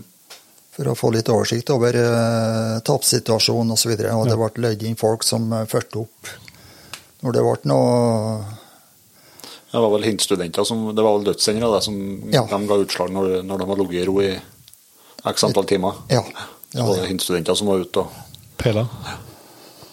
Og så ble det en situasjon oppi her hvor eh, det kom en eh, ulv hit. Og rei utrolig mye sau oppi eh, ja, Grønnerstfjellet hva man ser. Ja. Og da, da jobba jeg oppe på kommunen og ble kontakta og, og søkte jo da om uh, fellingstillatelse. Eh, da har vi kvinnelig ordfører, så, som ikke har så mye greie på det, så ble det liksom delegert til meg å ordne opp med fellingstillatelsene og sånn. Og, det, ja. og vi samla sammen gjengen om kvelden og ut og skulle jakte ulv. Og nei, ulven var fordufta, men det, du veit hvor mye sauerov og greier som lå oppi her. Mm. Ja, det var ille, altså. Som kom fra her, da? Bare dukka han opp sånn ut Han av kom hatten? ifra, ifra Lierne. Og han for vel dit igjen, og siden ingen sett den, nær sagt. Siden ingen sett den før. Um, Men nok med det, så gikk det, gikk det nå ble en uh, tre ukers tid. Så uh, jeg holdt på å teste hunder med, med en svensk gruppe om, uh, om kvelden. Uh, og så fikk jeg telefon om at uh, nå var ulven kommet tilbake. Ja. Uh, Da hadde jeg funnet en del eh, eh, rov igjen. Og jeg avbrøt testinga og avtalte at vi skulle treffes klokka åtte neste morgen og fortsette. Mm. Og søkte om fellingstillatelse og fikk det umiddelbart. Og kalte ut laget og skulle treffes på gårdsplassen her eh, om, om kvelden da, og, og røkke ut og prøve å få tak i ulven. Og eh, jeg var vel en av de første som eh, kom hit, og det begynte å komme noen flere òg. Jeg gjorde meg nå klar. Eh, tok ut børsa og satte hun igjen med bilen. Og, og vi gikk ned og spente i grusen da, til at resten skulle komme. og Vi skulle organisere og, og ferde ut. Og, og så ja, jeg traff jo svigerfaren hans. Jon Inge han fortalte jo liksom at uh, det var kommet en skokk med sauer som var forbi gården, og de var nå nedom her nå, og jeg hørte noen bjeller og greier nedpå her. Og så gikk det en stund, og plutselig så kommer svigermora hans, Jon Inge, Kitty kommer ut på verandaen og roper at nå er det noe som jagger sauen nedpå her. Og ja, vi hørte at det var litt ramle på bjellene. Og jeg eh, henter børsa. Og tenkte at uh, nå kommer nå sauen uh, motsatt vei. Eller veien tilbake. Ja. Så jeg fant jeg skulle ferde oppover gårdsveien her. Og, og, så roper jeg Kitty at det er en stor, svart bjørn som jager sauen. Og jeg er nede i lomma henter til en par skott og smetter i børsa og springer oppover eh, veien. Og så møter jeg saueskokken. De er på vei nedover. Ned gårdsveien? Ned gårdsveien. Ja. Ned bakken eh, bortpå her.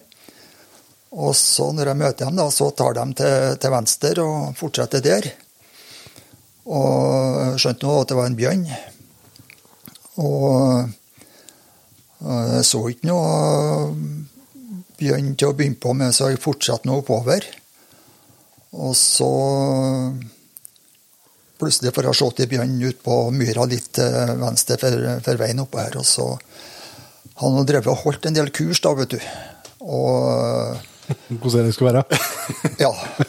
Anbefalt folk å ikke skjøte nedover, blant annet. ja. For jeg, jeg, visste jo hva som skjedde i etterkant. Ja. Uh, med full etterforskning og uthenging i avisene og alt det mm. der. Og sjikanering òg. Så jeg, jeg eh, roper til, til en eh, da. Skal jeg skjøte?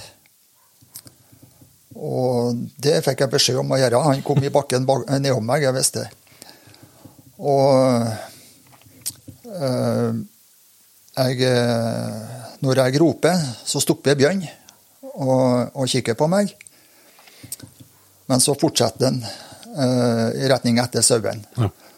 Jeg er opp med børsa, og jeg er ikke noe glad til å, å skjøte stående på frihånda, men akkurat den gangen så lå ut, siktet utrolig godt. og Jeg har drevet og trena litt på bjørnfiguren, og, og, sånn, og det var som å se sidefiguren på, på 50 meter. vet du, Så jeg trykte nå av, og uh, bjørnen var borte. Jeg... Uh, jeg så bare han datt i hop, men jeg så ikke noe mer. Nei. Og så eh, Da var ikke jeg som var jaktleder.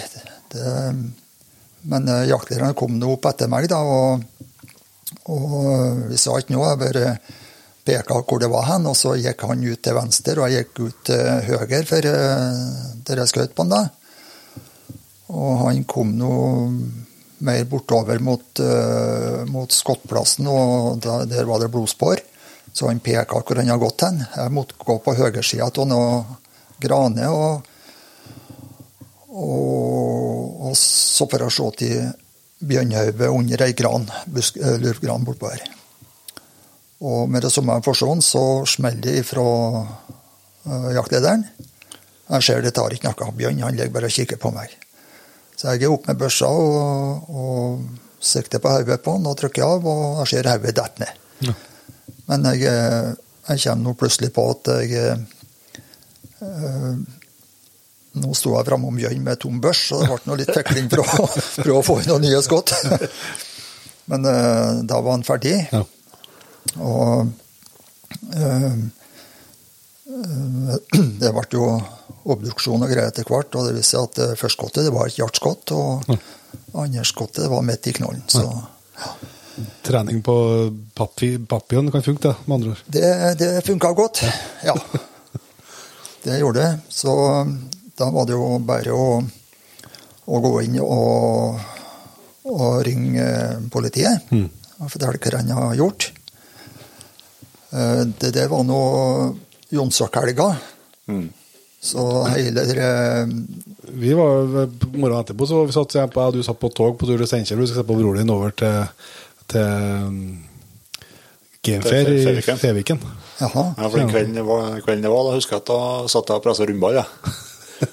I Stromtalen, og så jobba der på en gård, og så ringte du og fortalte hva du hadde gjort, og at om ikke jeg kunne dra hjem og passe på hundene, for jeg ble antallet fengsla.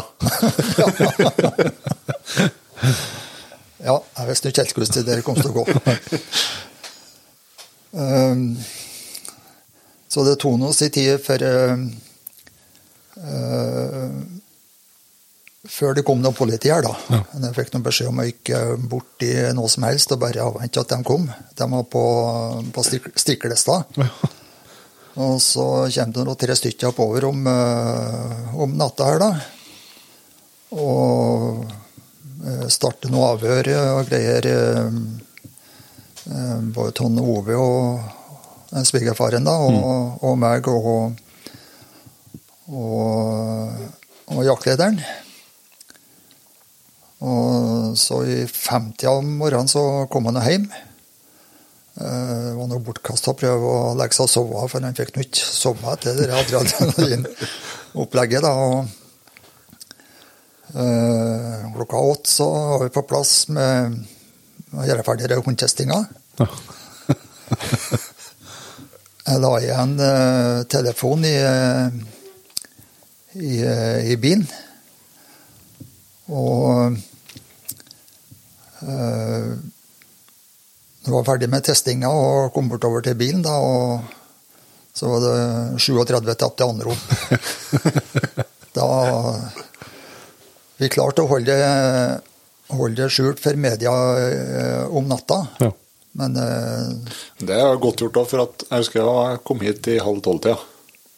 Og det, i hvert fall i etterkant så har det aldri vært sånne folk oppe i Grønland som det var da, nei. nei, det, For det, det spredte seg på bygda. Ja. Da mye media fikk tak i. det gjorde det, ja. Ja, da, så gikk det noen eh, dager, og så var det eh, møte opp til nytt avhør eh, nede på lensmannskontoret. Eh, Både jeg og jaktlederen satt der i tre timer. Eh, Fikk veldig grei behandling. Litt eh, Ja, faktisk litt hjelp til hvordan vi skulle forklare oss. For eh, jeg fikk høre at eh, her satt det en som ikke har peiling på jakt, Ja. og bjørnjakt, som skulle ta avgjørelser på hva som skulle skje videre her. Så jeg måtte ta det veldig eh, grundig og grunnleggende, kan du si. da. Alle, alle detaljer som en kanskje Ja. tar som en selvfølge sjøl, ja. Ja. Og så gikk det noe annet i tid, og så var det full rekonstruksjon oppi her. ja. Det var det.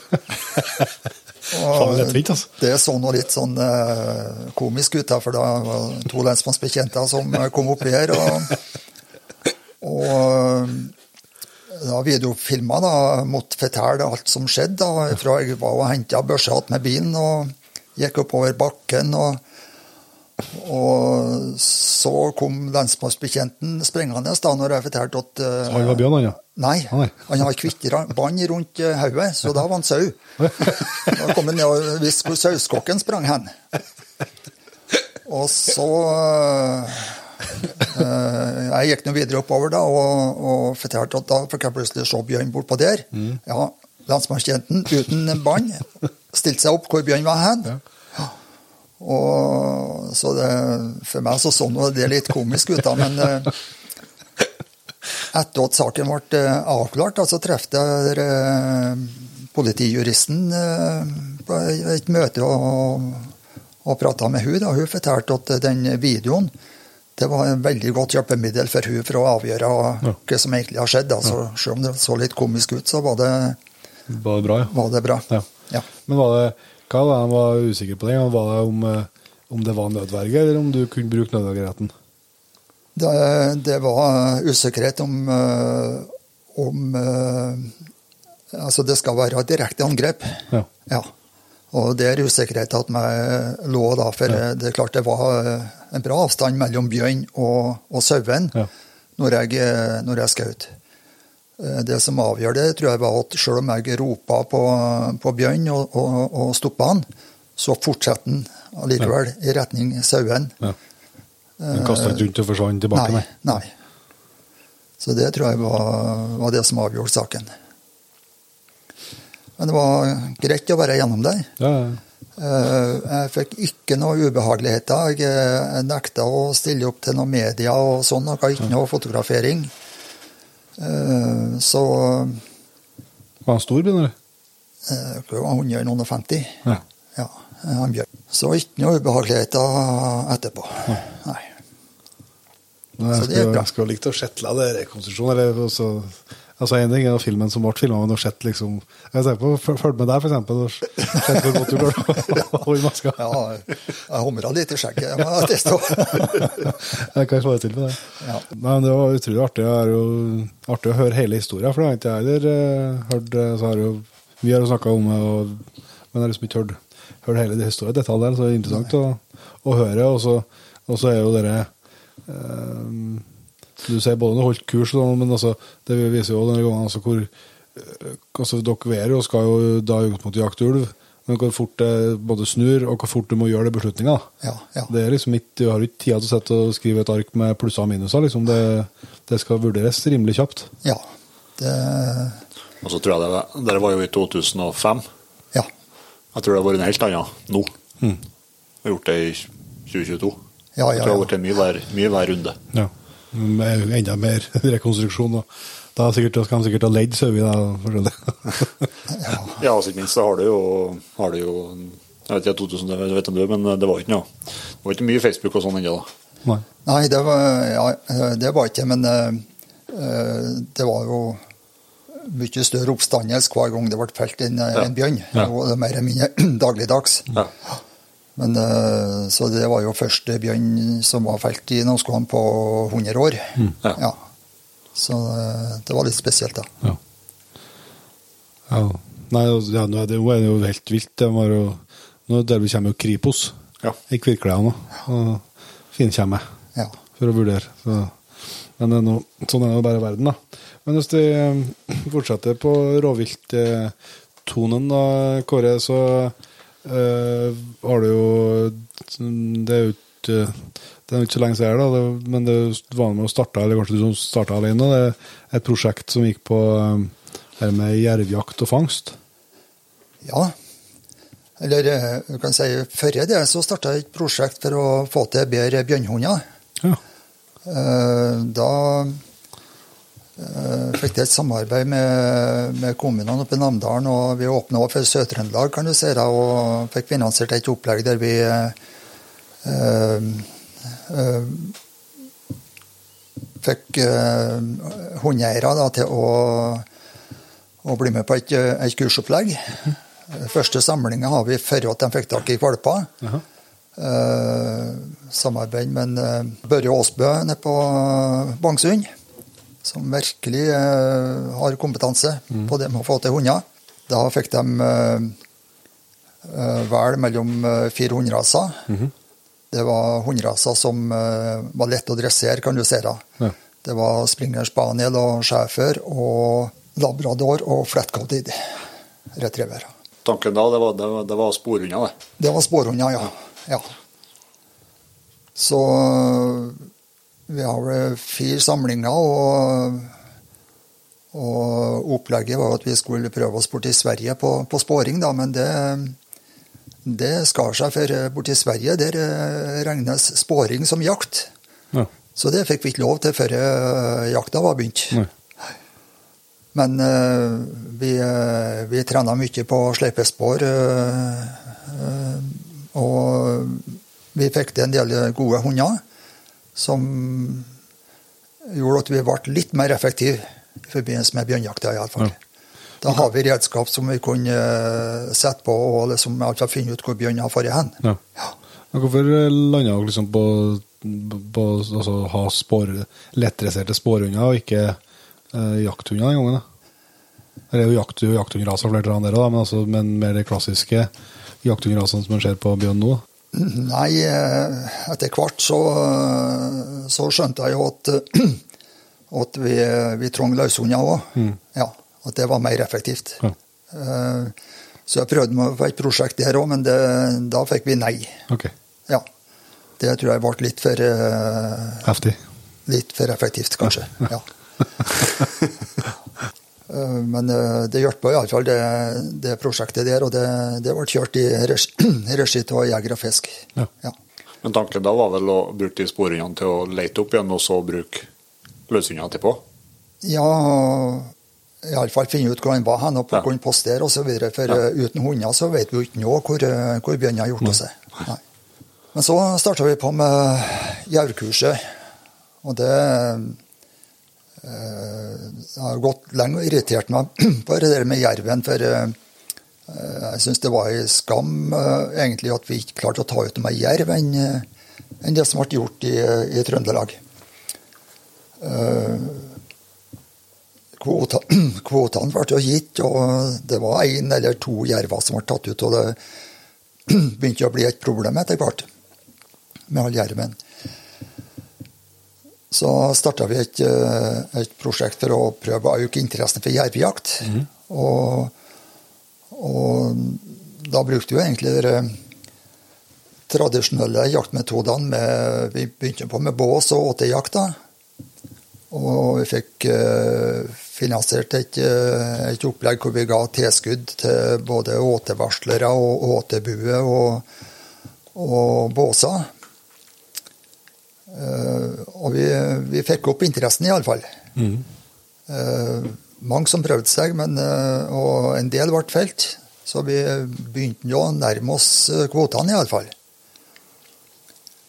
Men eh, eh, det var ikke før Jan Erik begynte på med, med hund, at det virkelig har tatt av. Nei. Så, Nei, det, men, altså, men det er nok, eh, det er nok en sammenheng eh, altså Nå er det mange som eh, har fått til bra jervhunder, da, men det er nok en sammenheng, i hvert fall i Trøndelag, tror jeg, nå, med, altså, at, som du sier, at interessevekkeren ble der. Ja. Altså at det ble spennende å jakte jerv. Ja. Og så som eh, om metoden var en annen, en som ikke for, som ikke kanskje ikke visste eller tenkte på den gangen, så, så er det jo det å skape interessen først som, som må være der til grunnleggende. ja. Ja, så tror jeg, altså, det ble jo det ble jo delt ut en del midler til innkjøp av MS-kamera, varslere og åtebuer. Og det tror jeg jo hjalp til at folk innså at jerven var ganske lett å få inn på en måte. Mm. Og at folk så egentlig hvor mye det var av den. Ja. Det tror jeg nok er en faktor som, eh, som spiller inn på at interessen nå er, nå er ganske høy. Da, for, eh, og at man da i tillegg da begynte å bruke hunder, og, og flere, flere og flere som har lyktes med det også, så, så tror jeg nå det er en avgjørende faktor. Så prøvde jeg å bruke media litt da når det var noen som felte en jerv, så prøvde å få litt oppslag på det og få heva statusen på, på jervjakta. For eh, den er jo egentlig eh, eh, nokså vanskelig. Ja, ja, ja. Krevende. Ja. I hvert fall å få det til sånn på en målretta måte. Ja. En ting er jo hvis du har flaks eh, hvert 15 år og går deg på en tilfeldigvis. Det kan jo skje den beste, nær sagt, men, mm. men noe sånn målretta få det til, det krever litt, ja. Ja. Var det, men herre, hvordan, hvordan, du har holdt på med alt mulig her, er hvordan har du fått finansiert alt det? Forholdsvis god til å skrive eh, prosjektbeskrivelser og søknader. Ja, skjønner. og det kommer du langt med, skjønner du. Ja.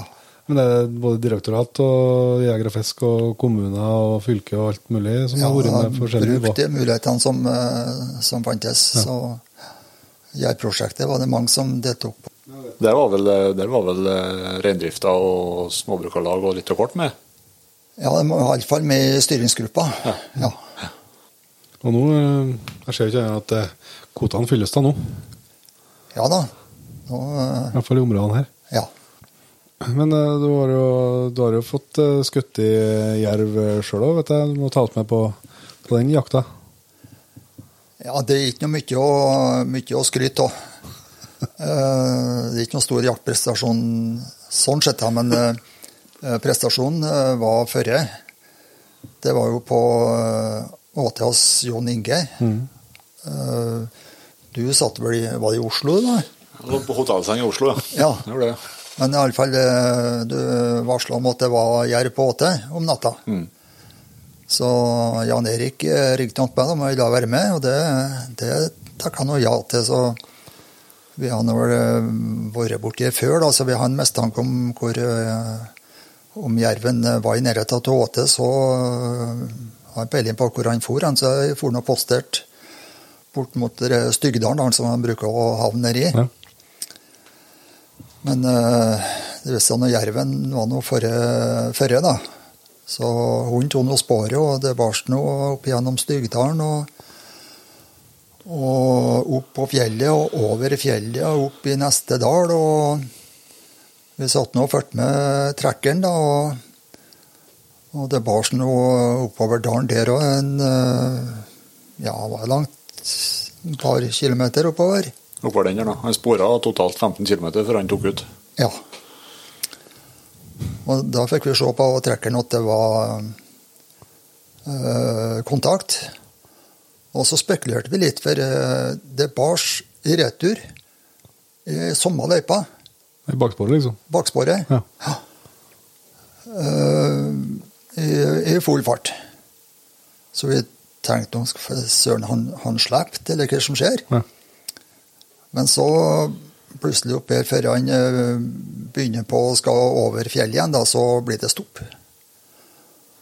Og da var det nå bare å ta seg fram til oppi der han, eh, han sto, da. og Jeg gikk nå oppover og, og kommer oppover en sånn eh, pall, sånn så Så Orux møter meg der, og så er det full fart opp bort til ei furu. Og der satt nå jerven oppi, da, så da da var det nå bare å gå bortover. og Fikk med Redrik, Jeg, jeg eh, eh, var litt for, eh, litt for ivrig, så jeg eh, Han satt litt sånn kjelkete til øh, med, med furua liksom eh, framom eh, vitale deler. Ja. Men jeg, jeg brente nå på et skott og et til, og det så ut som han var ferdig. Eh, Men så Nei, han kvekna til liv igjen. Ja. Og enda et skudd. Og da så han ut som han var ferdig, iallfall. Men han, han lå nå oppe en sånn plass, og han, han ramla ikke ned, da. Nei. Og, og så begynte han Jan Erik å komme oppover òg. Og øh, ennå begynte han å røre litt på seg. Ja. Og jeg har ikke mer skott igjen. så den siste siste ladninga mot eh, Jan Erik inn, da, men eh, han var nå Han var var ferdig, så egentlig så sto han og bare og venta på han skulle dette ned. Men Ja. Men det er jo litt sånn dere, dere jervjakta her Du, du har vært med på mange, og det er jo, det er jo forholdsvis um, forholdsvis uh, tilfeldig hvem det er som, hvem det er som skjøt. ja da. Det har vært spes spesielt når det ber skinner der steinhulene og sånn. Da, da, er det, litt- da er det litt hvem, hvem som står på den plassen der han stikker ut øyet. Ja. Ja. Du, du fikk litt travelt inne i Steinhullet, men jeg leppa fortelle. ja, det var borti den der Stygdalen, det. Nei, Nei, det var oppe i Tunnsjåsen. det var, det var oppe i Tunnsjåsen, ja. Mm. Og til oss eh, Jan Erik. Der eh, Den uh, skjøt jeg på. Eh, han eh, Litt for langt hold var det antagelig, iallfall. Jeg fikk den ikke. Jeg trodde jo at jeg fikk den, for han datt nå ned av steinen.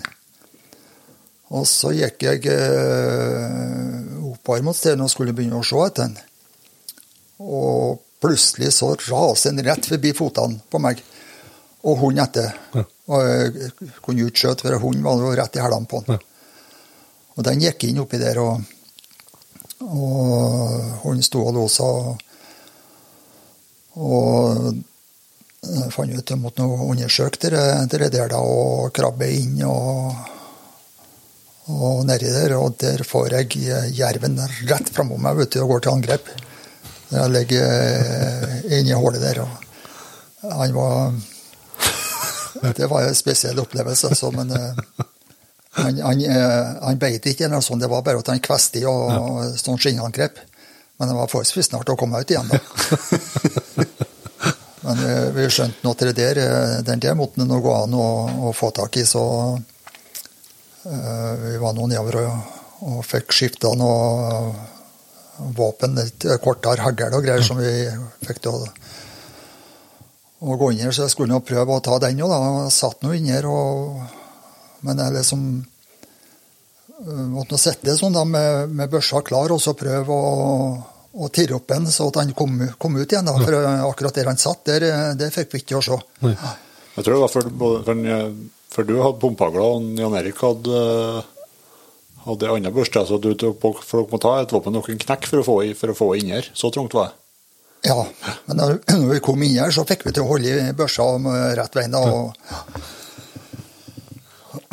Etter hvert så ble jeg så klar i armene til å sitte sånn, da, så jeg fant ut at jeg måtte ta meg en pause. Jerven for ikke noe plass. Og, og så skulle Jan Erik overta, da, og når han krabba inn her, så da kom en, eh, kom en eh, angrep tvert. da, så Da var det smalt hos han, da. Ja. Ja. Så det var vel litt derfor antagelig at jeg fikk sjansen på den andre. da. For han hadde nå skutt en del, da. Det er Utrolig artig, altså. Nei, det er en, eh, det er en eh, imponerende eh, karriere, det må jeg si. eh, Kåre, vi har jo snakka om det før. eh, Det med å eh, starte ting sjøl og drive ting sjøl. Det krever, men samtidig utrolig givende når det blir noe av det. Ja da, det Jeg syns jeg har fått opplevd mye, og eh, jeg syns det er interessant å holde på med, med prosjekt og starte på med noe nytt.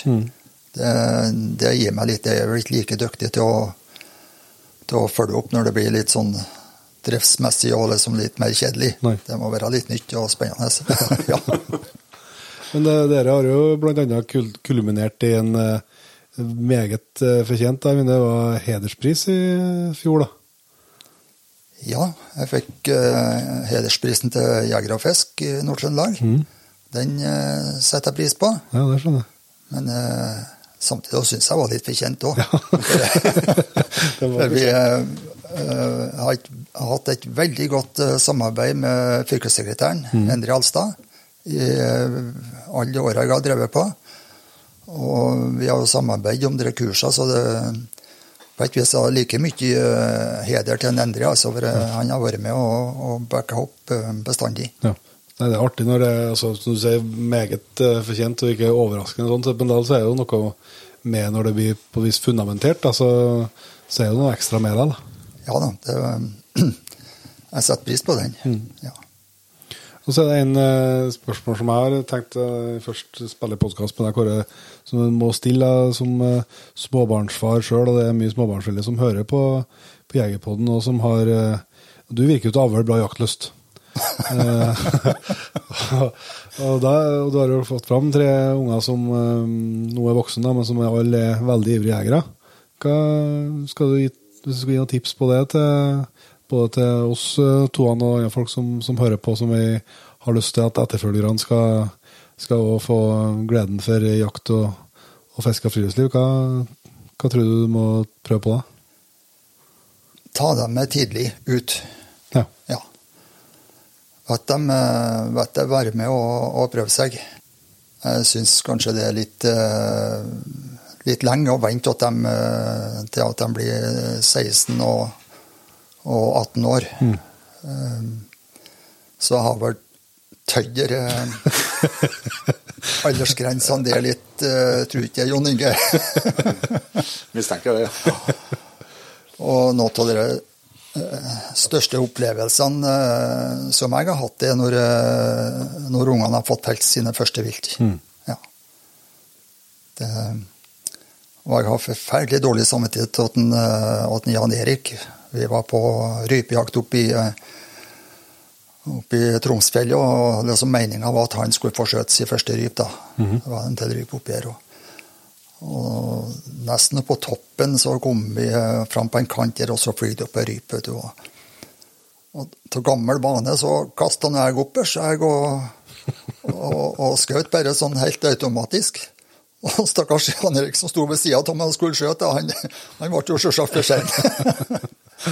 Men det gikk bra. da, Han fikk en sjanse senere på dagen, og i tillegg av Mona fikk skjøtt sin første ry på, på samme turen. Ja. Og når du fikk skjøtt i eh, første ryp, det hadde du vel fortalt om før i Jegerpodden, Jon Inge, så Ja, ja, det ble vel tre til sammen, det. artig. Ja. Ja. Da ble du litt overraska når du skulle nedover og, og plukke opp nummer to. Jeg fortalte at det var mot gå litt lenger òg. Ja, for du så det før jeg skjøt, du. Ja. Ja, så, men det har endra seg, det der. For jeg, jeg kan remse opp ganske mange øyeblikk der at jeg og du og brorsan har gått opp, i, gått opp til stand på Fuglelund eh, på ryp. da. Og det er jo naturlig nok så er det jo veldig mye konkurranse mellom han og Erik, så vi tømmer jo våpnene eh, temmelig fort uten at det detter så mye ryp. Og så smeller det en par skudd fra der ringmasteren eh, en god stund etterpå, og så detter noen rypene. Så, Det har vel vært noen eksempler på det. ja, Men, eh, de må ikke skjøte så fort. Og ellers, eh, hvis du har noen historier som, eh, ja, som går litt på bekostning av en del av redaksjonen, så må du ikke, må du ikke holde igjen på dem nå. Så det, det er bare å, bare å dele. Det kan jeg vet ikke om det har blitt noe Vet det har gjort noe mye tabber, Sånn. nå Jeg vet ikke om du, du husker for eh, første elgen din? Det husker jeg på. Ja. Da var Da ble jeg litt, eh, litt forbala på det. Eh, Ja, det var vel litt på kanten, det òg. Du var vel bare 16, tror jeg. Ja. Eh, Så du skulle vel hatt en på sida av men Han satt nå, 300 meter unna. ja. 200 kanskje. Men iallfall, jeg fikk noe på, på radioen at, eh, at det sto ei eh, elgku. Og jeg var sikker på at det var Jan Erik som prata i, i radioen. Jaha. Det sto ei elgku, han var temmelig sikker på at det var ei fjordku. Ja. Og lurte på om han kunne skjøte. Ja, hvis du er hvis du er sikker og greier, så får du bare prøve, sa jeg og, og greier. Og og stunden etterpå så smeller det. Én gang. To ganger. Tre ganger. Jeg vet ikke, kommer til magasinet? Nei, kanskje det er tre eller fire. fire. Antagelig, ja. Og da hadde ett et og- ja. Eh, Så jeg ble lang i maska da jeg kom frem og, skjønte at det var en Jon Inge. da. Ja. For jeg var sikker på at det var en Jan Erik som var på radioen. Og han har jo skutt ei fjordku før og greier, så Jeg vet hvordan de så ut. han visste hvordan de så ut. Men uh, heldigvis, det var fjordku. Ja. Det eneste gangen det var fjordku. Det, det var ikke fire hår til det, såpass kan jeg si. Nei, det var ikke det. Så da tror jeg egentlig han, eh, han eh, fikk den kjente jaktskjelven. Ja. Jeg tror nok det var det som lå bak. Ja. Ja, den Men det var- ble noe lykke likevel. Ja da, det ble det. Ja. Så det gikk bra til slutt. Ja, det Men det er kanskje en grunn til at det liksom eh, skal sitte igjen i lammet på opplæringsjakta. Ja, det, ja altså det, tror jeg, det, er, det er en grunn. Altså, jeg tror nå veldig ofte eh, at vi er inne på det. Altså, det er nå en, eh, en trygghet for den som, som er altså, som, som jeger sjøl. Altså, det er større sjanse for at først, Jon Inge har jo mye jaktlyst, og det gikk jo bra den gangen der. Men jeg tror det det hvis det en sånn gang går dårlig. Så for en del så kan det være nok til at det ikke frister så mye med runde to. Ja, ja. Men samtidig så er det jo den, den spenninga og altså det at, eh, at han får eh, skjelven og, og Ja, ja. så videre. Det, det er jo derfor vi, vi er jegere, at vi føler den, eh, den spenninga som gjør at vi driver på med det, tror jeg. Mm. Ja. Det, det ligger i bunnen, egentlig. ja. Nei, men nå har vi jo fått både hørt mye både historier og, og eh, om eh, liv og lære, nær sagt, til deg, Kåre. Og det har vært utrolig både trivelig og interessant. Er veldig glad for at, vi, at du ville bli med oss. Men vi, jeg vet jo, du hører jo på Jegerpodden innimellom, da, så du kjenner jo til at vi eh, har en, eh, noen faste punkter på slutten. Og da, Det består jo først i noen faste spørsmål. Eh, og hvis vi begynner på det, kanskje, Jon Inge, så er jo det første spørsmålet der da Det går jo på utstyr. da, Du har jo vært i våpenskapet. Der har du jo fått funnet ting som funker over tid. Men hvis du skal trekke fram noe av utstyret som du har introdusert for de senere åra, som du har blitt veldig glad til, hva, hva lander du på da? Nei, det, de skjønner sikkert ikke at jeg ikke er noe særlig utstyrsfrik. Ja, ja, Men jeg må nå Det eh, henge, henge med lite grann, da. Så eh, det er Astroen. Ja. Eh, så det er en eh, revolusjon Ja. som kommer, kommer den. Mm. Så det, det er jo et er liksom før og etter Astroen. Ja. Så det er helt annen jakt nå når du både på fuglejakt og, og elgjakt og rådyrjakt og alt sammen, når du kan følge med hvor hunden fer hen. Kan holde på med, ja. ja. Jeg har noe inntrykk av at du uh, følger med noen loser på trekker nå i løpet av høsten. Ja da. Den gangen jeg traff deg og så skal jeg fortelle om hva som foregikk i går. så, jeg så det. Ja, Det er nesten like spennende å sitte og følge med dere, vet du, som, som å være med på jakta sjøl. Han er altså, jeg er med på trekkeren, men det, liksom, det blir litt for mye å ha på, på de småhåndene med Ja. både Begge delene, ja. Ja. ja. Så jakttips, da. Hvor, Du har kommet med mye, og du har nå servert eh, masse jakttips òg. Men eh, hvis du skulle komme med et eh, konkret tips? Nei, jeg har ikke noe spesielt sånn. Det må være ut. Han må være ut hvis det skal bli noe. Og Nei, jeg har ikke noe spesielt å komme med der. Jeg har fått så mye gode tips tidligere at det Helt på å fylles opp. Ja, Ja. men, eh, men det er ikke farlig å gjenta tips av gode tips. Det kan ikke gjentas for ofte. vet du. Eh, Men jaktdrøm, da. Har vi, eh, er noe du har tenkt på på jaktfronten som du ikke har fått oppleve ennå?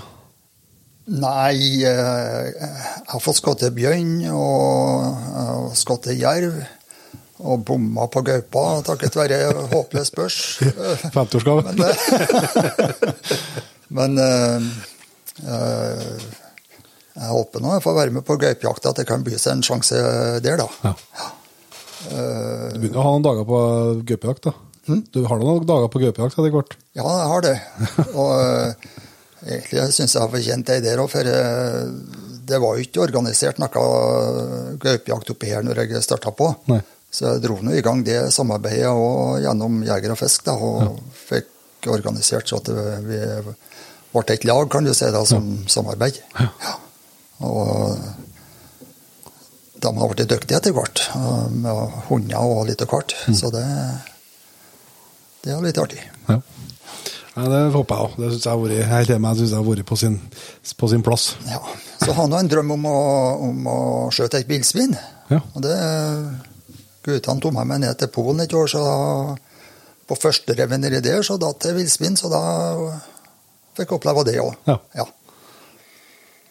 Da blir neste villsvin i Tyrsdalen. da. Det, det gikk noen rykter i fjor om at det var inni Roar. elgvallet vårt, så Men det tror jeg var bløff, gitt. Du, var jo til Bosnia på jakta, du. Ja. Det, det var òg en fantastisk opplevelse. Det ble ikke så mye utbytte. Vi, eh, det som var artig der, det var at eh, vi var med en, en politimann ut en dag. Dere Der kompisene våre skulle ikke være med, så det var en politimann som ble med oss ut. Han har gode hunder. Og vi skulle jakte villsvin, da. Men eh, det ble en ulvelos av det. Oh. Og ja, det var nesten så jeg fikk en på meg. Eh, Hvor jeg har gjort da, det, det vet ikke jeg, for jeg visste ikke om det var lov eller ikke. Men i alle det er politimannen. Han eh, sto rett bortom meg og fikk ulven på seg eh, Eller han kom mellom oss, da, så han skjøt til ulven. ja. Og det ble oppstandelse, kan du tro. Det var stor stas, og ulven på panseret på den bilen han har og kjørt den over, vet du. Og, og vi traff han som har sauer oppe i området der. Ja. Og han eh, donerte sporenstreks eh, en uh, sau til oss som eh, betaling. Han ble kjørt på restaurant nede i, eh, byen der, og, og tilberedt og fest om kvelden. Og denne festen, det var òg en veldig spesielt opplevelse. Eh, Da begynte de å med, fram med noe trekkspill og forskjellig, og de sang eh, eh, Vi skjønte ikke akkurat hva det var, vet du, men eh, den stemninga altså De dura og sang, og tårene rant ifra dem, vet du. Og det, nei, det var, Det var litt Og- betydningsfullt, det. da. ja, det var det virkelig. Ja. Så, så Ikke helt det samme når det datt ulv her til lands. Nei da, det Og, og dere bosnierne, de åt ikke De jakta noe gris, men de åt ikke gris. Rundt av religion, da, så det bøtta dem bort, da, og så fikk de noe annet vilt i stand. da, eller Men øh, sau, det åt dem, ja. ja. Nei, og så runder vi jo aldri av uten noen jakthistorie. selv om klokka begynner å dra på seg litt, her, så må vi nå få, få noen historier på slutten her, tror jeg. Ja, nå fortalte jeg verstene her, da, men jeg tror jeg kan ta ei, ei eh, historie med, med Redaksen. Ja. Eh, Da ble det kalt ut på et eh, ettersøk eh, rett nord for Namsskogan. Det var et jaktlag som jakta elg, og elgen har forut ut til valget kvelden før over, -hmm. over Namsin. Og de eh, visste hvor, eh, eh, hvor han har passert hen, da. ja. Og da når det dagen etter så er det jo viltnemnda som overtar, så ansvaret lå jo hos meg da, å få organisert det ettersøket der. Og, og øh, jaktlaget står til disposisjon, så det sto jo en hel haug med, med kall med Namsin der når jeg kom om morgenen. Og, og jeg tone ut hund og, og greier. og jeg så nå på huet med en gang at eh, det var, der var sporet. Ja. Men eh, skal du gå ettersøk med den delen som De flira nå bare åt meg vet du, da jeg kom med redaksen. Ja, det skal jeg gjøre, jeg. Og etter beskrivelse jeg har fått, så regner jeg med at han var ikke gått så langt. Det det var en fjordokse. Eh, Så jeg setter ut ei postlinje Eh, Jeg var litt kjent i området, jeg har vært oppi her før. Og satte ut til postlinjen og fikk en av karene til å organisere det. Da, og fikk postene på plass. Og, og gikk på med, med Dagsen og uh, gått en 300-400 meter, så smeller det. Og oksen detter. Og sporer fram til, til fallet.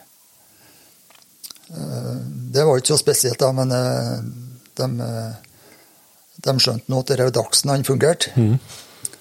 Og så uh, ble relgen elgen ble lest opp på en, uh, på en pickup som sto der. Og så var det noe kaffekoking da, og litt prating, uh, som seg hører bør. og jeg fant ut at det greieste var liksom å sette Dagsen i da med, med elgen da, oppi lastplanet, så jeg løfta oppi der. Og så kom når nabojaktlaget og skulle se på denne elgen. Og de begynte å gå bortover med dere, mot denne bilen. og Så stopper de på behørig avstand. Ja. Og så kikker de bortover, og der står dachsen opp elgen og leppene langt oppå, oppå nesen. Og var skudd at den elgen her er min. Hit, men ikke nærmere. Ja, så de torde ikke å nærme seg lenger, nei. Så det Hun har blod i bartene og burde være på henne. Hun har blod i bartene, ja. og- Ordna ikke hun skyss en heim en gang sjøl, da? Jo da, jo da. Kapra en bil? Hun var, hun var, det er mange historier om hun, vet du. Det, eh, en gang så Vi skulle ut på rådyrjakt. Så var det litt tradisjon å drikke en kopp kaffe hjemme hos meg før vi for ut. da. Og, og så skulle vi begynne å ha på oss og greier. og Men søren, hvor er hunden hen? Og nei, hunden var borte. Og vi gikk nå ut, da, da hørte vi losen oppe i Tynsjåsen, rett over der, der jeg bor. Da Ja. Da hun lurte seg ut når de- de karene kom, og så har starta jakta. Hun. og hun, hun ga seg ikke vet du, før det ble mørkt. Nei. Men da var grei. Da, da slapp hun å komme ned. Og, og en gang så kom jeg til butikken oppe på, Trånes. Det var før GPS-en sin tid, så hun brukte å komme hjem. Ja. Og da var det en kar som eh, En kompis av Jon Inge som, eh, som skulle bare fylle bensin på bensinpumpa der. Og da benyttet han anledningen. Da hoppa han i bilen, da. Likte å sitte på bil. Og han kom og skulle, skulle sette seg inni, og han hadde lyst til å kaste ut den hunden. Ja. Men det Du var ikke uenig? Nei. Så han fikk noen spora opp at det hørte hos oss, da, så da kom han nedover med. Ja. Da er han bra på bakspor, ja. ja. Men så en gang hun stakk av, stakk av hjemme, da, da jaga jeg rev eh, nede på gården. og inni, Det var noe spesielt eh, opplegg. Og, en gang så stilte han en rev i los på noen isflak nede på Namsinn. Og en annen gang så, så ble det los inni en sånn eh, inni låve der. Trøskmaskin Ja. eh, nede på nabogården, ja. Ja. Det, Hun var bra på å jage rev òg. ja da, hun jaga det mest, som jeg fortalte her. At, eh. Så jeg fikk nå livet av den òg. Ja, ja. Fikk jo noe utomsider. Nei, men Da tror jeg vi skal runde av, Kåre. Og så igjen tusen takk for at du eh, ble med på en, eh, en prat der det ble eh, akkurat så trivelig som vi hadde trodd og håpa. Så tusen takk. Takk for at jeg fikk komme. Det var altså eh, opphavet til halve redaksjonen, Kåre Vik. Yep. Hvordan eh, hvordan var det å ha med en pappa, nær sagt? Nei, eh, det, det var litt spesielt. Jeg, tror kanskje ikke jeg prata så mye, for jeg altså, har jo tilbringt mine timer sammen med han. Ja. Ja, ja. Så, og det er bare episoden prega òg, så Men, eh, men eh, det kom noen ting der som ikke jeg var klar over. Ja. Så, Ja, Det er jo det som er artig med både podkast og når du setter deg ned og prater med altså sånn eh, Det kan være et juletips til lytterne. hvis vi er noen i familien som enten om de er jegere eller ikke jegere. men det jo, vi, Når vi lager en sånn episode av Jegerpoden, så setter vi oss ned og så liksom lager en slags kjøreplan. Vi skriver ikke manus, men vi liksom prøver å sette ned noen stikkord på hva vi har lyst til å innom. ja. Uh, og så tar nå praten oss litt dit vi kommer, da, men, men uh, når du gjør det med folk som sjøl står out, mener jeg kjenner en Kåre ganske godt. Ja. Men jaggu var mye ikke jeg visste, ja. Og det er jo mye artigere å få høre av han, enn at han skal høre en gang senere når du ikke er her. Ja, ja, ja. Ja, Nå er han en forholdsvis ung mann ennå, men vi har jo snakka om det i et annet tilfelle med noe, med noe bortgang i nær familie, og så sitter du i kirka for å høre de historiene du gjerne skulle ha fått hørt. Av vedkommende, ja. Ja. Mm. Det er jo så kjedelig. ja. Det er mye artigere å få dem nå. Så det kan jo være et juletips. Skriv ned en slags kjøreplan før en medalj. før i familiemiddagen. Ja. Ja, det er et godt poeng, det. Ja. Absolutt. Det, Så det. Men vi har jo nye patriens som skal komme. Ja. Og det kan jo også hinte litt om da, at både de nye som har kommet nå, og de som allerede er med i jaktlaget, og de som eventuelt kommer i nærmeste framtid, kan jo se fram imot noen juleoverraskelser.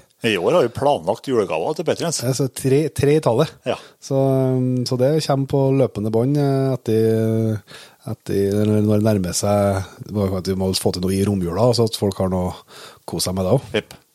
Så det er nå en lite, liten tease som heter. Det, fall... da, da, er det både lyd og visuelt. Yes. hvis, det, hvis, det, frister. Ehm, da sier vi i hvert fall tusen hjertelig takk til Stig Daleli. Antonio Hundershagen. Andreas Sund. Bjarte. Martin. Magnus Engen Kanli. Og Odin Garli. Tusen hjertelig takk til dere, og selvsagt til alle sammen som allerede er med oss i det fantastiske P3-jaktlaget.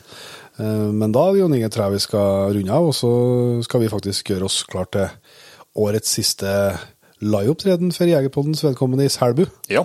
Selbu og jubileumsaften for Selbu jegerfisk. Yes, blir- Svein skal være med, og Magnus skal være med, og juhu! Ja, ja, det er jo faktisk hel, det er ikke bare helaften, det er heldag. Ja. Så det blir spennende. Så får vi nå kanskje komme tilbake til ved senere anledning. Men uh, i hvert fall, uh, vi ser oss som vi bruker, Jon Inge, neste gang. Vi høres!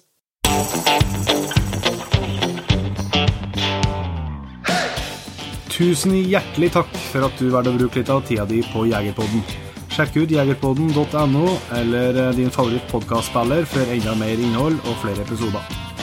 Følg også Jegerpodden på Facebook og Instagram, og ikke minst, husk å fortelle alle gode venner, familie og tilfeldige forbipasserende om Jegerpodden, sånn at vi får spredd det glade budskap videre. Vi høres.